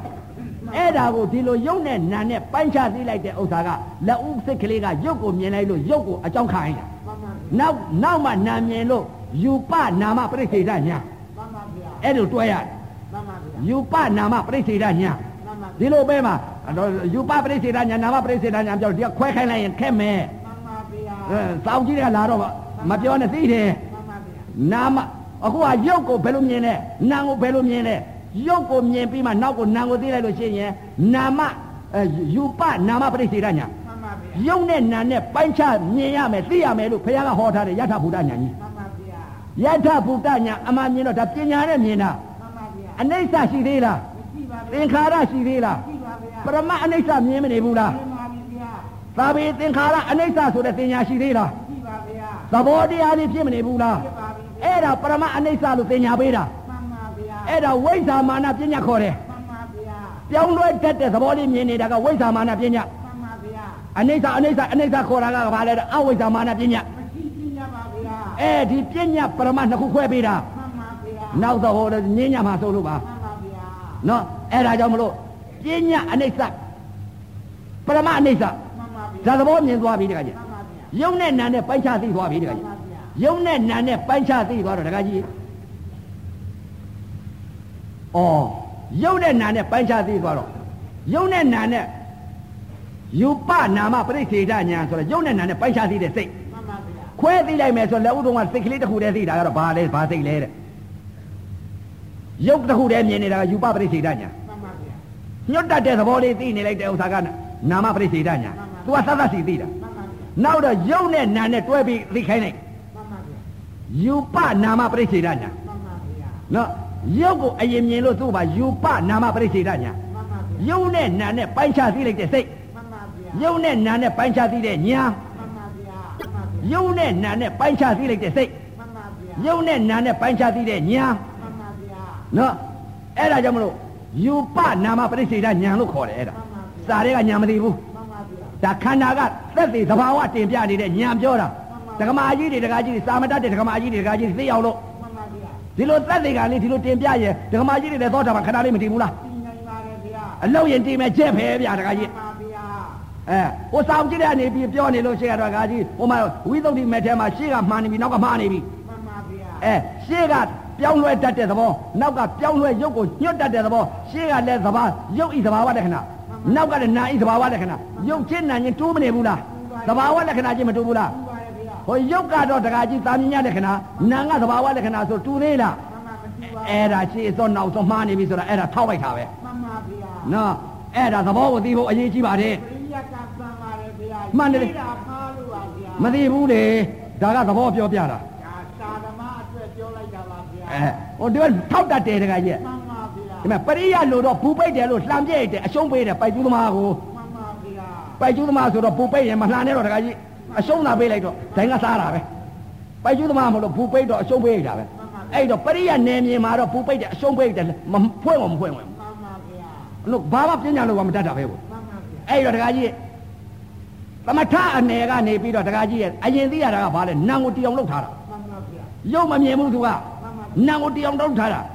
အဲ့ဒါကဘာလဲသမထအနေကဘာလဲတဲ့နာမပရိသေဒညာမှန်ပါဗျာနံကိုအရင်မြင်တာမှန်ပါနံလေးကိုတီအောင်ထားတာမှန်ပါဗျာသူကနံကိုသာသိတယ်ရုပ်မသိဘူးအဲနာမပရိသေဒညာသူကရမှန်ပါဗျာအဲ့ဒီကမှဇာနေအဖေငင်နေရပြီးတော့မှတခါရုပ်ကိုပြောင်းပြီးသူကရွှတ်လိုက်တော့မှအဲ့တော့မှနာနာမယူပပရိသေဒညာမှန်ပါဗျာဝိပဿနာကိုသွားရောမှန်ပါဗျာနော်သမထအနေကနေပြီးတော့နံကိုအရင်ရှုတယ်မှန်ပါဗျာအဲနံကိုရှုတော့နံကိုလေးကိုတီအောင်ထားတယ်တီအောင်ထားလိုက်တော့နာမပရိသေဒညာကမှ န်ပါဗျာနာမပရိသေဒညာကနေပြီးတော့ဝိပဿနာကိုခိုင်းတော့ရုပ်ကိုပြောင်းပေးတယ်ရုပ်ကိုပြောင်းပေးလိုက်တဲ့အချိန်ခါကျတော့နာမယူပပရိသေဒညာမှန်ပါဗျာအဲအဲ့ဒီလိုတွဲရတယ်မှန်ပါဒါမှစုံညီတော့မပေါ့ဒါမှသဘာဝတရားကြတော့မပေါ့ရှင်းတော့ကြီးရပါရှင်းနောက်ညီတာပြောတာခုနတုန်းကဟိုမှာရှင်းကရှင်းလက္ခဏာကအဆုံးလက္ခဏာနောက်လက္ခဏာကအရင်လက္ခဏာဖြစ်နေလို့ဒါတင်ပြနေတယ်မှန်ပါဗျာအဲသဘောပေါက်အောင်လို့မှန်ပါဟိုထောက်တော့ထောက်တတ်တယ်ကိုကသာသာမတတ်တာမှန်ပါဗျာထောက်တယ်အဲစာလွဲပြီဆိုထောက်ပြီမှန်ပါစာလို့တစ်လုံးမှမတတ်ဘူးမှန်ပါနော် မှားရင်တော့ထောက်မယ်ခန္ဓာကစင်မဲ့စိတ်တယ်ပဲမဟုတ်လားခွရားကလည်းခန္ဓာရှာသွားတာခန္ဓာရှာသွားတော့ तू ကပฏิယတ်တွေထွက်နေတယ်မဟုတ်လားမှန်ပါဗျာအဲ့တော့တကားကြီးခန္ဓာကရှာလိုက်တော့ကဲရုပ်ကိုနာနဲ့ရုပ်နဲ့မြင်နေပြီတကားကြီးပိုက်ချမြင်နေပြီယူပနာမပရိစ္ဆေဒညာနော်နာယုတ်ကိုပိုက်ချသိလိုက်ပြီတကားကြီးမှန်ပါဗျာနာယုတ်နှစ်ပါးပူတွဲပြီးတော့သိရမယ်တရားကဘာလဲ။အော်နာကလည်းပြောင်းလဲညွတ်တတ်တဲ့သဘောတရား။ယုတ်ကလည်းပြောင်းလဲတတ်တဲ့သဘောတရား။ ပြောင်းလဲခြင်းပြောင်းလဲခြင်းသဘာဝတရားတစ်ခုတည်းပါလား။မြင်လိုက်တဲ့ချိန်ကပြောင်းလဲခြင်းနာနဲ့ယုတ်နဲ့ကိုပူတွဲပြီးသဘောလေးတစ်ခုတည်းသိထားတယ်မှန်ပါဗျာ။မျက်စိကလည်းပြောင်းလဲတတ်တဲ့သဘောတရား။နားကလည်းပြောင်းလဲတတ်တဲ့သဘောတရား။နှာခေါင်းကလည်းပြောင်းလဲတတ်တဲ့သဘောတရား။အဲလျှာကလည်းပြောင်းလဲတတ်တဲ့သဘောတရား။ယုတ်နဲ့နာနဲ့တစ်ခုတည်းတည်းသိထားတော့အဲ့ဒီလိုတစ်ခုတည်းတည်းပေါင်းစုံပြီးသိလိုက်တော့နမရူပပြိစေဒညာ။မှန်ပါဗျာအဲနမရူပပြိစ္ဆေဒညာရသွားရုပ်နဲ့နာနဲ့တစ်ခုတည်းတွဲသိတွဲသိတာမှန်ပါဗျာ နမရူပပြိစ္ဆေဒညာတော့ရသွားပြီတကကြီးမှန်ပါယတ္ထဗုဒ္ဓညာကြီးလမ်းကြီးပေါ်ရောက်နေပြီမှန်ပါဒီလမ်းကြီးသွားလို့ရှိရင်ရှေ့သိုးသွားရင်ရောက်တော့မယ်မှန်ပါဗျာညီတော်အာနန္ဒာလို့မှန်ပါဗျာညီတော်အာနန္ဒာဟာဒီမဲ့လှောက်လှရောက်လိုက်တော့တကကြီးခေါင်းလည်းမထိပဲနဲ့ဂျာကာလာအလေးဒီမှာတခါတည်းကိုရဟန်းကိစ္စပြီးသွားတယ်လို့မှန်ပါဗျာနော်ဂျာကာလာလေးတဲ့ဝิญဉ်တို့မှန်ပါဗျာစိတ်ပြောတာစားရဲတော့ပါမယ်မဟုတ်ဘူးမှန်ပါဗျာစားရဲတော့ပါဖို့မပါတာမပါပါဗျာဥပဒေကမေးကြည့်တယ်တခါကြီးကိုဟောစားရဲပါလားလို့မပါပါဗျာအဲ လက်ကျင်တိုးနေပါလေဗျာစာကအဲအဲ့ဒီတော့တခါကြီးကဲတခါကြီးနမရူပပြိစ္ဆေဒညာတော့ရသွားပြီတခါကြီးမှန်ပါဗျာနမရူပပြိစ္ဆေဒညာရသွားတော့ကဲကူးကြအောင်ဆိုတခါကြီးလမ်းပေါ်ရောက်ပြီတခါကြီးမှန်ပါယထဗုဒ္ဓညာပညာမြင်သွားပြီမှန်ပါဗျာနော်သာဘိသင်္ခါရအနေစာယထာပညာယပတ္တိပတ္တိတဲ့မှန်ပါဗျာလာလျှောက်တော့မယ်မှန်ပါဗျာကူးတော့မယ်မှန်ပါဗျာ ယထာပညာယပတ္တိအထနိဗ္ဗိန္တတိဒုက္ခိဣသာမေကောဝိသုဒ္ဓိယဆုံးအောင်သွားရမယ်မှန်ပါဗျာမဆုံးသေးဘူးမှန်ပါဗျာညီတော်အာနန္ဒာမဆုံးသေးလို့တခါကြီးနေမယ်သွားရင်သွားရင်နဲ့တော်ကြကြခုလိခုလခလေးကိုတခါတည်းကိုအောက်ကိုခေါင်းအောင်မနဲ့မြေကြီးနဲ့မထိတော့ခုလိခုလလေးဆုံးသွားတယ်လို့မှန်ပါဗျာနော်အဲ့ဒီတော့ခါကြတော့တင်နာပေါ်လဲ ပြောင်းလဲခြင်းသဘာဝတရားနာနဲ့ယုံနဲ့တခုတည်းသိနေပြီဗဟိတကြာပြန်တော့လဲအာတဲသိနေပြီဗဟိတကြာပြန်တော့လဲအာယုံငါးနဲ့တက်ခက်လိုက်တဲ့ခြင်းကလည်းပြောင်းလဲတဲ့သဘာဝတရားကြားလိုက်ထားလဲပြောင်းလဲတဲ့သဘာဝတရားသဘောကိုပရမအနိစ္စမြင်နေပြီတခါကြီးမှန်ပါဗျာပရမအနိစ္စမြင်နေတော့ကဲရှုပ်ပြီဒီယုံနဲ့ဒီနာယုံနာဘောသူကသိနေတာကိုမှန်ပါဗျာယုံနာပေါ်သိနေဒီယုံနဲ့လွတ်လွတ်အောင်ပါဘူးမှန်ပါဗျာကဲလွတ်ရတော့တခါကြီး မြင်လိုက်တဲ့အချိန်ကရုပ်ကလည်းပြောင်းလဲတယ်အောင်နာမ်ကလည်းပြောင်းလဲညွတ်တယ်အောင်ရုပ်နဲ့နာမ်နဲ့တထတိပြစ်နေတာဘာတုံးဩရုပ်နဲ့နာမ်နဲ့တထတိပြစ်နေတဲ့ဥစ္စာဝေရณะခန္ဓာပါလားလို့ဆိုဝေရณะခန္ဓာပြောင်းလိုက် သဘောလေးတစ်ခုနဲ့ပါဗျာ တစ်ခုလေးပြောင်းလိုက်တယ် နှစ်ခုမဟုတ်ပါဗျာ တစ်ခုလေးပြောင်းလိုက်တာ မှန်ပါဗျာ အဲ့ဒီလိုပြောင်းလိုက်တော့တခါကြီးပြောင်းလဲတဲ့သဘောတင်ညာရှိသေးလား မရှိပါဗျာ ယုံနဲ့နာနဲ့ရှိသေးလား မရှိပါဗျာ ာ နာယုံတစ်ပါးနာမရူပပြိစေဒညာရှိသေးလားမရှိပါဗျာဘာသွားသိလဲပြီဆိုလို့ရှိရင်တခါကြီးအဲယုံနဲ့နာနဲ့ခြေကန်ထုတ်လိုက်တာမှန်ပါဗျာခြေကန်ထုတ်လိုက်တော့နာယုံနှစ်ပါးတစ်ထပ်တိဖြစ်နေတဲ့သဘောတရားဝေဒနာခန္ဓာပဲလို့ဒီလိုသိလိုက်တာတခါကြီးမှန်ပါဗျာဝေဒနာခန္ဓာသိလိုက်ပြီတခါကြီးမှန်ပါဗျာမျက်စိကလည်းပြောင်းလဲတဲ့သဘောမရှိတော့ဘူးမြင်တဲ့အခါလဲယုံနဲ့နာနဲ့တထတိဖြစ်နေတာခံစားမှုသဘောဝေဒနာခန္ဓာကြားလိုက်တာလဲဝေဒနာခန္ဓာ နာနာလဲဝေဒနာခန္ဓာစားလိုက်တာလဲဝေဒနာခန္ဓာထိလိုက်တာလဲဝေဒနာလှမ်းလိုက်တာလဲဝေဒနာခန္ဓာချတာလဲဝေဒနာခန္ဓာပေါက်တာလဲဝေဒနာခန္ဓာယူတာလဲဝေဒနာခန္ဓာပေါက်တာလဲဝေဒနာခန္ဓာအိတ်လိုက်တာလဲဝေဒနာခန္ဓာဝေဒနာခန္ဓာတစ်ခုတည်းရှိတော့တယ်တခါကြီးကြောင်းနေတာတွေထုတ်ကုန်ပါပြီပြောင်းလဲတာတွေချုပ်ကုန်ပြီနော်မှန်ပါဗျာပြောင်းလဲတာချုပ်သွားတော့တခါကြီးဝေဒနာခန္ဓာတစ်ခုတည်းရှိတော့တခါကြီးဝေဒနာပေါ်ရနေပြီတခါကြီးမှန်ပါဗျာတခါ၆ပေါက်ကဝေဒနာတဏှာကုသေးလားအကူပါဗျာ ဝေဒနာတဏှာမကုတော့ဘူးမှန်ပါဗျာအဲ့ဒါမှဝေဒနာတဏှာမကုတော့ဝေဒနာနိရောဓတဏှာနိရောဓတဏှာဖြစ်မှမဖြစ်တော့ဘဲနဲ့ဖြစ်တော့ပါဗျာတဏှာနိရောဓမသွားဘူးလားမှန်ပါဗျာတဏှာနိရောဓဆိုရင်ဥပါဒါနိရောဓထုတ်ပါတယ်ဗျာဥပါဒါနိရောဓဆိုရင်ဘဝနိရောဓဘဝထုတ်ပါပြီဗျာဘဝနိရောဓဆိုရင်ဇာတိနိရောဓဓာတိတွေထုတ်ပါပြီဗျာဝေဒနာရသွားပြီလေမှန်ပါ ပရိစ္ဆသမုပ္ပါရသွားပြီမှန်ပါဗျာရသွားပြီမှန်ပါအဲပရိစ္ဆသမုပ္ပါကညီတော်အာနန္ဒာလို့တခါတည်းကိုတခါကြီးခုလိခုလကိုတခါတည်းရအောင်မယ်မှန်ပါဗျာဂျာကာလာလေးရအောင်မယ်မှန်ပါဗျာဂျာကာလာဂျာကာလာလွတ်ရအောင်ပါလွတ်ရအောင်မယ်မှန်ပါဗျာဝေဒနာခန္ဓာမှာဝေဒနာရှိတဲ့နာမ်ခန္ဓာလေးပါရှိသေးတယ်မှန်ပါဗျာနာမ်ခန္ဓာလေးပါရှိတယ်နော်မှန်ပါဝေဒနာမျက်စိကလည်းဝေဒနာနားကလည်းဝေဒနာခန္ဓာနှာခေါင်းကလည်းဝေဒနာခန္ဓာပါးစပ်ကလည်းဝေဒနာခန္ဓာ ကိုယ်ဘောက်ကလည်းဝေဒနာခန္ဓာမနောကလည်းဝေဒနာခန္ဓာအဲအကုန်လုံးဝေဒနာခန္ဓာတစ်ခုတည်းဖြစ်နေပြီဒီကကြီးမှန်ပါဗျာဝေဒနာရင်ရနေတယ်မှန်ပါပရိစ္ဆသမုပ္ပါဆိုတော့ဝေဒနာရတာဘယ်လိုရတယ်လဲလို့ဒီလိုမေးလိုက်လို့ရှင်အဝိဇ္ဇာတဏှဥပါဒံဘဝအာအာရှိဒါတွေပြောကြတယ်များမှန်ပါတာလို့ပေါ့ပါအစာလို့ပြောပါတယ်ယထာယထာရှိရင်ထွက်တာပြောမှုမှာဘောတကကြီးမှန်ပါဗျာယထာတော့လဲတာပြောလို့ထွက်တာမှမတွေးလို့ရှိလို့ရှင်ဘယ်လိုလုပ်မလဲလဲနေလို့ရှိရင် အတိတ်ကလည်းအနေစာအခုလည်းအနေစာနောင်လည်းအနေစာဖြစ်နေဦးမှာပေါ့လဲနေရမှာပါလဲနေရဦးမှာပေါ့မှန်ပါဗျာလဲတာရှိလို့ရှင်ရက်တဲ့တရားလေးကိုပြမှန်ပါဗျာရက်တဲ့တရားရှိလို့ရှင်လွတ်တဲ့တရားပြမှန်ပါဗျာနော်အဲ့ဒီလိုလွတ်တဲ့တရားရဲ့ရက်တဲ့တရားရဲ့နှစ်ဌာနကိုညီမျှသွားရင်မကောင်းဘူးလားတကကြီးကောင်းပါလေဗျာနော်အဲ့တော့တကားကြီးလေအဲအဟုတ်ဝေဒနာခန္ဓာတော့မြင်သွားပြီတကားကြီးမှန်ပါဗျာဝေဒနာခန္ဓာကနေပြီးရှေ့သွားနေတာကိုဒါလမ်းကြောင်းကြီးပေါ်သွားရောက်တာပဲ နော်လမ်းကြောင်းပေါ်ဆိုတော့ဧကယာနောတကြောင်းတီးတဲ့ဆိုမှန်ပါဗျာဧကောဓမောတစ်ခုတီးတဲ့ဆိုမှန်ပါဗျာသားတော်ရာဟုလာလဲတတပသေးလို့ရှိရင်မင်းတတပမြင်အောင်ကြည့်ပါတဲ့တကြောင်းတဲ့သွားတဲ့အဲ့ဒီလိုသားတော်ရာဟုလာလဲပြောထားတယ်တဲ့မှန်ပါဗျာနော်တကြောင်းနဲ့သိတယ်သူသဘောသူဆောင်းနေတဲ့သဘောတစ်ခုတည်းလိုက်တယ်မှန်ပါဗျာအဲ့တော့သူများဆိုတန်ကြတော့ဥပဒေကလည်းဒီမဲ့ရွတ်တော့ရွတ်ချင်သေးတယ်တခါကြီးရွတ်လို့ကကောင်းတယ်သူများရွတ်ထားကြတော့ဘယ်လိုဆိုလဲဟိုသူများရွတ်ထားဥပဒေကတော့မရပါဘူးမှန်ပါဗျာ ဘယ်လိုရွတ်လဲဆိုတော့ဟိုဆရာတော်ကြီးတွေရွတ်ထားလေရွတ်တန်ကြလို့ဥပဒေကရွတ်တာသားတော်ရာဟုတ်လားဟိုပြောနေတယ်တဲ့အဲ့တော့ဘယ်လိုပြောနေလဲဆိုတော့ဓာတ်ကြီးလေးပါးကိုပြောတာဟိုတခါကြီးဘယ်လိုရွတ်နေလဲဆိုတော့ဥပဒေကနားထောင်တယ်အဲဒီကတော့သဘောသိတယ်တခါကြီးဘယ်လိုရောက်တယ်ဆိုတော့ဧကယာတော့တစ်ခုတည်းတဲ့ကိုသဘောတစ်ခုတည်းကိုလေမှန်ပါဗျာပထဝီဓာတုံပထဝီဓာတုသည်သဘာဝံသဘောဝဓာရီတိဆောင်တဤတဲ့သူသဘောသူဆောင်နေတယ်မှန်ပါ။ဩဒါဧကယာနောပဲမှန်ပါ။ဒီလိုသိအောင်။အာဘောဓာတုံအာဘောဓာတုသည် သဘာဝံသဘောဝဓာရီတိဆောင်တဤ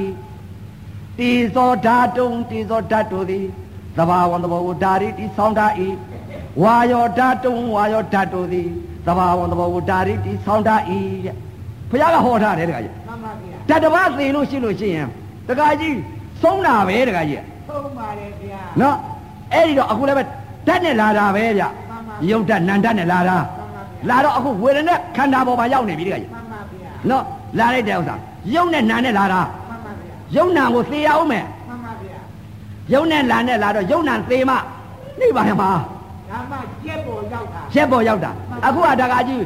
ယုံနာကနေပြီးတော့ဝေဒနာခန္ဓာကိုနာခန္ဓာလေးပါးဝေဒနာခန္ဓာဖြစ်နေပြီတခါကြီးမှန်ပါဗျာအဲဝေဒနာခန္ဓာပါသိနေပြီတခါကြီးမှန်ပါကဲဝေဒနာခန္ဓာကနေပြီးစိတ်ကလေးပြောင်းကြအောင်ဆိုတခါကြီးမှန်ပါဗျာစိတ်ကလေးတွေပြောင်းသွားတဲ့တဲ့လမ်းကြီးပေါ်ရောက်တော့ရှောက်တော့တာဗောတခါကြီးမှန်ပါဗျာအဲရှောက်တော့အဲ့တော့ဝေဒနာခန္ဓာကနေပြီးတော့ ဘယ်ရှောက်တယ်တဲ့ဩဆင်းရဲပြီတခါကြီးမှန်ပါဗျာဝိပဿနာဆိုတဲ့ဥစ္စာတခါကြီးဘာဝနာမရညာဆိုတဲ့ဥစ္စာဒီယုံနဲ့ဒီနံဘောကကြီးသွားတာမှန်ပါဗျာတွေးတော်ကြံဆတဲ့ညာနေမဟုတ်ဘူးပုံပါပြီဗျာတွေးတော်ကြံဆတဲ့ညာနေမဟုတ်ဘူးတခါကြီးဟုတ်ပါဗျာယုံနဲ့နံဘောကကြီးဆတဲ့ညာနေမဟုတ်ဘူးတခါကြီးဟုတ်ပါဗျာယုံနဲ့နံဘောကကြီးသွားတာမှန်ပါဗျာဟိုစာအုပ်ထက်ကစဒီခန္ဓာကစဒီလိုစတာမဟုတ်ဘူးမှန်ပါဗျာခန္ဓာဘောကနေပြီးယုံနဲ့နံဘောကကြီးသွားတာမှန်ပါဗျာ အဲ့တော့တခါကြီးဝေဒနာခန္ဓာကနေပြီးကဲစိတ်ကြီးပြောင်းကြအောင်ဆိုရယ်နာခန္ဓာလေးပါဒိဋ္ဌိဖြုတ်ပြစ်တာပြောတာမှန်ပါဗျာနော်အဲ့တော့ဒိဋ္ဌိဆိုတာဘယ်မှာရှိလဲဝေဒနာရဲ့သင်ညာရဲ့သင်္ခါရဝိညာဏံဒါဒီနာခန္ဓာလေးပါသင်ညာဖြုတ်ပြစ်တာမှန်ပါဗျာဒိဋ္ဌိဖြုတ်ပြစ်အဲ့ဒီတော့အခုသိနေပြီဝေဒနာခန္ဓာမြင်တာလဲဝေဒနာခန္ဓာကြားတာလဲဝေဒနာခန္ဓာနာနာလဲဝေဒနာခန္ဓာစားတာလဲဝေဒနာခန္ဓာထိလိုက်တာလဲဝေဒနာခန္ဓာ သိလိုက်တာလဲဝေဒနာခန္ဓာဝေဒနာခန္ဓာဖြစ်နေပြီတခါကြီးမှန်ပါဗျာအဲ့ဒါ message message message မှန်ပါဗျာအကုသိုလ်စိတ်တွေချုပ်ကုန်ပြီတခါကြီးမှန်ပါဗျာကဲအတိတ်ကာလတုန်းကပြုတ်ခဲ့တဲ့ရှင်းနေလဲမမက်ကုသိုလ်စိတ်ကနေပြီးတော့နေရောင်ဝဲတော့အကုသိုလ်စိတ်တွေချုပ်ကုန်ပြီတခါကြီးအတိတ်ကာလတုန်းကလည်းလှူလိုက်တဲ့ဥစ္စာတွေကငါလှူတယ်ဖြစ်နေတယ်တခါကြီးအတိတ်ကဥစ္စာတွေလည်းဩဝေဒနာပဲဝေဒနာခန္ဓာပဲအတိတ်ကလည်းဝေဒနာခန္ဓာပဲအခုပြစ္ဆုတ်ပန်လည်းဝေဒနာခန္ဓာပဲအနာဂတ်ကြာပြန်လည်းဝေဒနာခန္ဓာပဲဆိုတော့အတိတ်ကအကုသိုလ်တွေရှိသေးလားရှိရောပါဗျာ အခုပြစ္ဆုတ်ပန်လည်းအကုသိုလ်စိတ်ရှိသေးလားထုတ်သွားပါပြီဗျာအခုပြစ္ဆုတ်ပံကာလမှာအကုသိုလ်စိတ်ချုပ်နေရင်အနာဂတ်မှာအကုသိုလ်စိတ်ရှိသေးလားထုတ်မှာပါပဲဗျာမဖြစ်သေးသောကုသိုလ်ကိုလည်းဖြစ်လာပြီမှန်ပါဗျာအတိတ်ကဖြစ်နေတဲ့အကုသိုလ်ကံတွေလည်းချုပ်ကုန်ပြီမှန်ပါဗျာအခုဖြစ်အခုအတိတ်ကာလတုန်းကပြစ္ဆုတ်ပံအကုသိုလ်စိတ်တွေဖြစ်နေတာလည်းချုပ်ကုန်ပြီမှန်ပါဗျာအနာဂတ်ကိုအကုသိုလ်ကံဖြစ်ရမယ်ဥစ္စာတွေလည်းချုပ်ကုန်ပြီမှန်ပါဗျာကုသိုလ်စိတ်ကြီးဖြစ်သွားပြီမက်ကုသိုလ်စိတ် တွေဖြစ်တာပါဗျာအဲဒီလိုစိတ်တွေမှမသိဘဲနဲ့စားတဲ့ကအမဖြစ်သေးတော့ခင်ဗျာဒါတွေလျှောက်ပြောလို့မရဘူးမှန်ပါဗျာသဘောပြောမှန်ပါဗျာသဘောပြောမှလက်သင်္ခါမှာမှန်ပါဗျာနော်အဲ့ဒီတော့ဒကာကြီးဝေဒနာခန္ဓာကနေပြီးပြောင်းကြဆိုဒကာကြီးမှန်ပါဗျာဝေဒနာခန္ဓာကနေပြီးတော့ကဲပြောင်းမယ်ဝေဒနာခန္ဓာကတည်ပြီးတော့ဝေဒနာပြောင်းလိုက်တဲ့စိတ်ကလေးမှန်ပါဗျာဝေဒနာကနေပြီးတော့ဖခင်ကဟောထားတဲ့ဝေဒနာဒီနာဒကာကြီးတင်းတဲ့ဟာတောင်းတာတွေဝေဒနာတွေပေါ်ဗျမှန် ပါဗျာဩဝေဒနာပါလားဝေဒနာဒီဖခင်ကနာလို့ဟောထားပါလားဆိုတော့ဝေဒနာခန္ဓာကနေပြီးဝေဒနာပြောင်းလိုက်တဲ့စိတ်ကလေး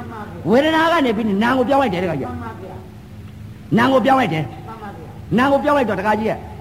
အစင်းစင်းပြောင်းသွားတာနော်လမ်းလျှောက်တာလမ်းလျှောက်တာလမ်းကြီးပေါ်ရောက်လို့လျှောက်နေတာမှန်ပါဗျာအဲဧကယာနောတတတလန်းချောင်းတဲ့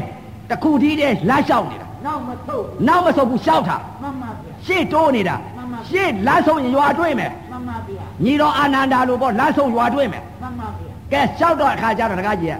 ဝေဒနာခန္ဓာကနေပြီးဝေဒနာကိုစိတ်ပြောင်းလိုက်တယ်မှန်ပါဗျာဝေဒနာကနေပြီးတော့နာစိတ်ကိုပြောင်းလိုက်တယ်မှန်ပါဗျာနာစိတ်ပြောင်းထားတယ်တကားကြီးမှန်ပါဗျာဝေဒနာဒီနောင်ဝေဒနာဒီနောင်ဝေဒနာဒီနောင်နာစိတ်ပြောင်းလိုက်ပြီမှန်ပါဗျာနောက်မျက်စိကမြင်လိုက်တဲ့အချိန်ကလည်းဝေဒနာပါလားနာမလားနာပြောင်းနေတာမှန်ပါဗျာ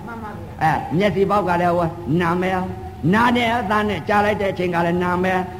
အဲနှာခေါင်းနဲ့အနာနဲ့ထိမှန်လိုက်တဲ့အချိန်ကလည်းနာမယ်လျှာနဲ့ရတာနဲ့စားလိုက်တဲ့အချိန်ကလည်းနာမယ်ကိုယ်နဲ့အတွေ့နဲ့ထိမှန်လိုက်တဲ့အချိန်ကလည်းနာမယ်မနှောနဲ့ဓမ္မနဲ့ပေါက်ဆောင်လိုက်တဲ့အချိန်ကလည်းနာမယ်သွားလိုက်တဲ့အချိန်ကလည်းနောင်ချလိုက်တာလည်းနောင်ယိုတာလည်းနောင်ပေါက်တာလည်းနောင်ထိုင်တာလည်းနောင်အိတ်တာလည်းနောင်နာလေးမှန်ပါဗျာ နော်နာစိတ်တစ်ခုတည်းဖြစ်နေပြီတခါကြီးမှန်ပါဗျာနာစိတ်တစ်ခုတည်းဖြစ်နေတော့တခါကြီးဒါအဲ့ဒီစိတ်ဟာဘာလဲဆိုတော့ဒီမဲ့သောတာပန်တရားကံလဲအာယုပစိတ်ကနေပြီးတော့ကူးသွားတာပညာလွတ်လွတ်သွားတာတရားကံလဲအာယုပနေပြီးတော့ကူးသွားတယ်အနာဂံကြီးကလည်းအာယုပနေပြီးတော့ကူးသွားတယ်မှန်ပါဗျာအဲ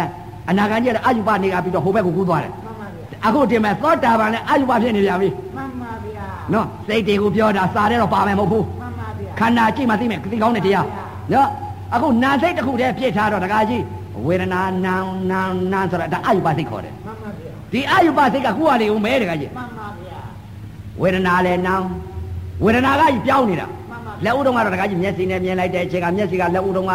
ဝေဒနာပဲဝေဒနာကနေနောင်ပြောင်းနေတာနှစ်စိတ်ဖြစ်နေတယ်မှန်ပါဗျာနှစ်စိတ်ဖြစ်တော့ဒါသမာဓိကနည်းသေးတော့နှစ်စိတ်ဖြစ်တယ်မှန်ပါသမာဓိအားကောင်းတော့နားကြီးဖြစ်ကုန်တယ်မှန်ပါနားကြီးဖြစ်ကုန်တော့တခါကြီးဟိုဘက်ကူးဖို့အချိန်ကြမှန်ပါနော်ဝေ ဝေဒနာခန္ဓာကနေပြီးတော့ဝေဒနာပြောင်းတယ်စိတ်တစ်စိတ်မှန်ပါဗျာဝေဒနာကနေပြီးတော့ဘာကိုပြောင်းလဲတဲ့နာမ်ကိုပြောင်းတယ်စိတ်တစ်စိတ်မှန်ပါဗျာနာမ်ပြဲပြမှန်ပါဗျာနာမ်ပြက်နာမ်ပြက်နာမ်ကိုပြောင်းနေတာမှန်ပါဗျာသုဒ္ဓတာတုံးလမရာခဲ့သောတရားလူရလူဖြစ်တဲ့အချိန်ခါမြတ်စွာဘုရားသာသနာတော်ကြီးနဲ့မိတဲ့အချိန်ခါဓမ္မယရနာတွေလည်းပွင့်လင်းတဲ့အချိန်ခါသုံးဦးသုံးပလဲမိတဲ့အချိန်ခါသမထဝိပဿနာတရားကျင့်ညာအားထုတ်နိုင်ကြပြီရှေ့ဘုရားလက်ထက်ကညီတော်အာနန္ဒာလို ကိုအတိပဲနဲ့ဂျာကာလာလေးနာအိတ်လက္ခဏာခံစားတဲ့သဘောလေးတည်နိုင်ရနိုင်တဲ့ကိုဖြစ်နိုင်ကြပါစေကုန်တော်တည်းသာဓုသာဓုသာ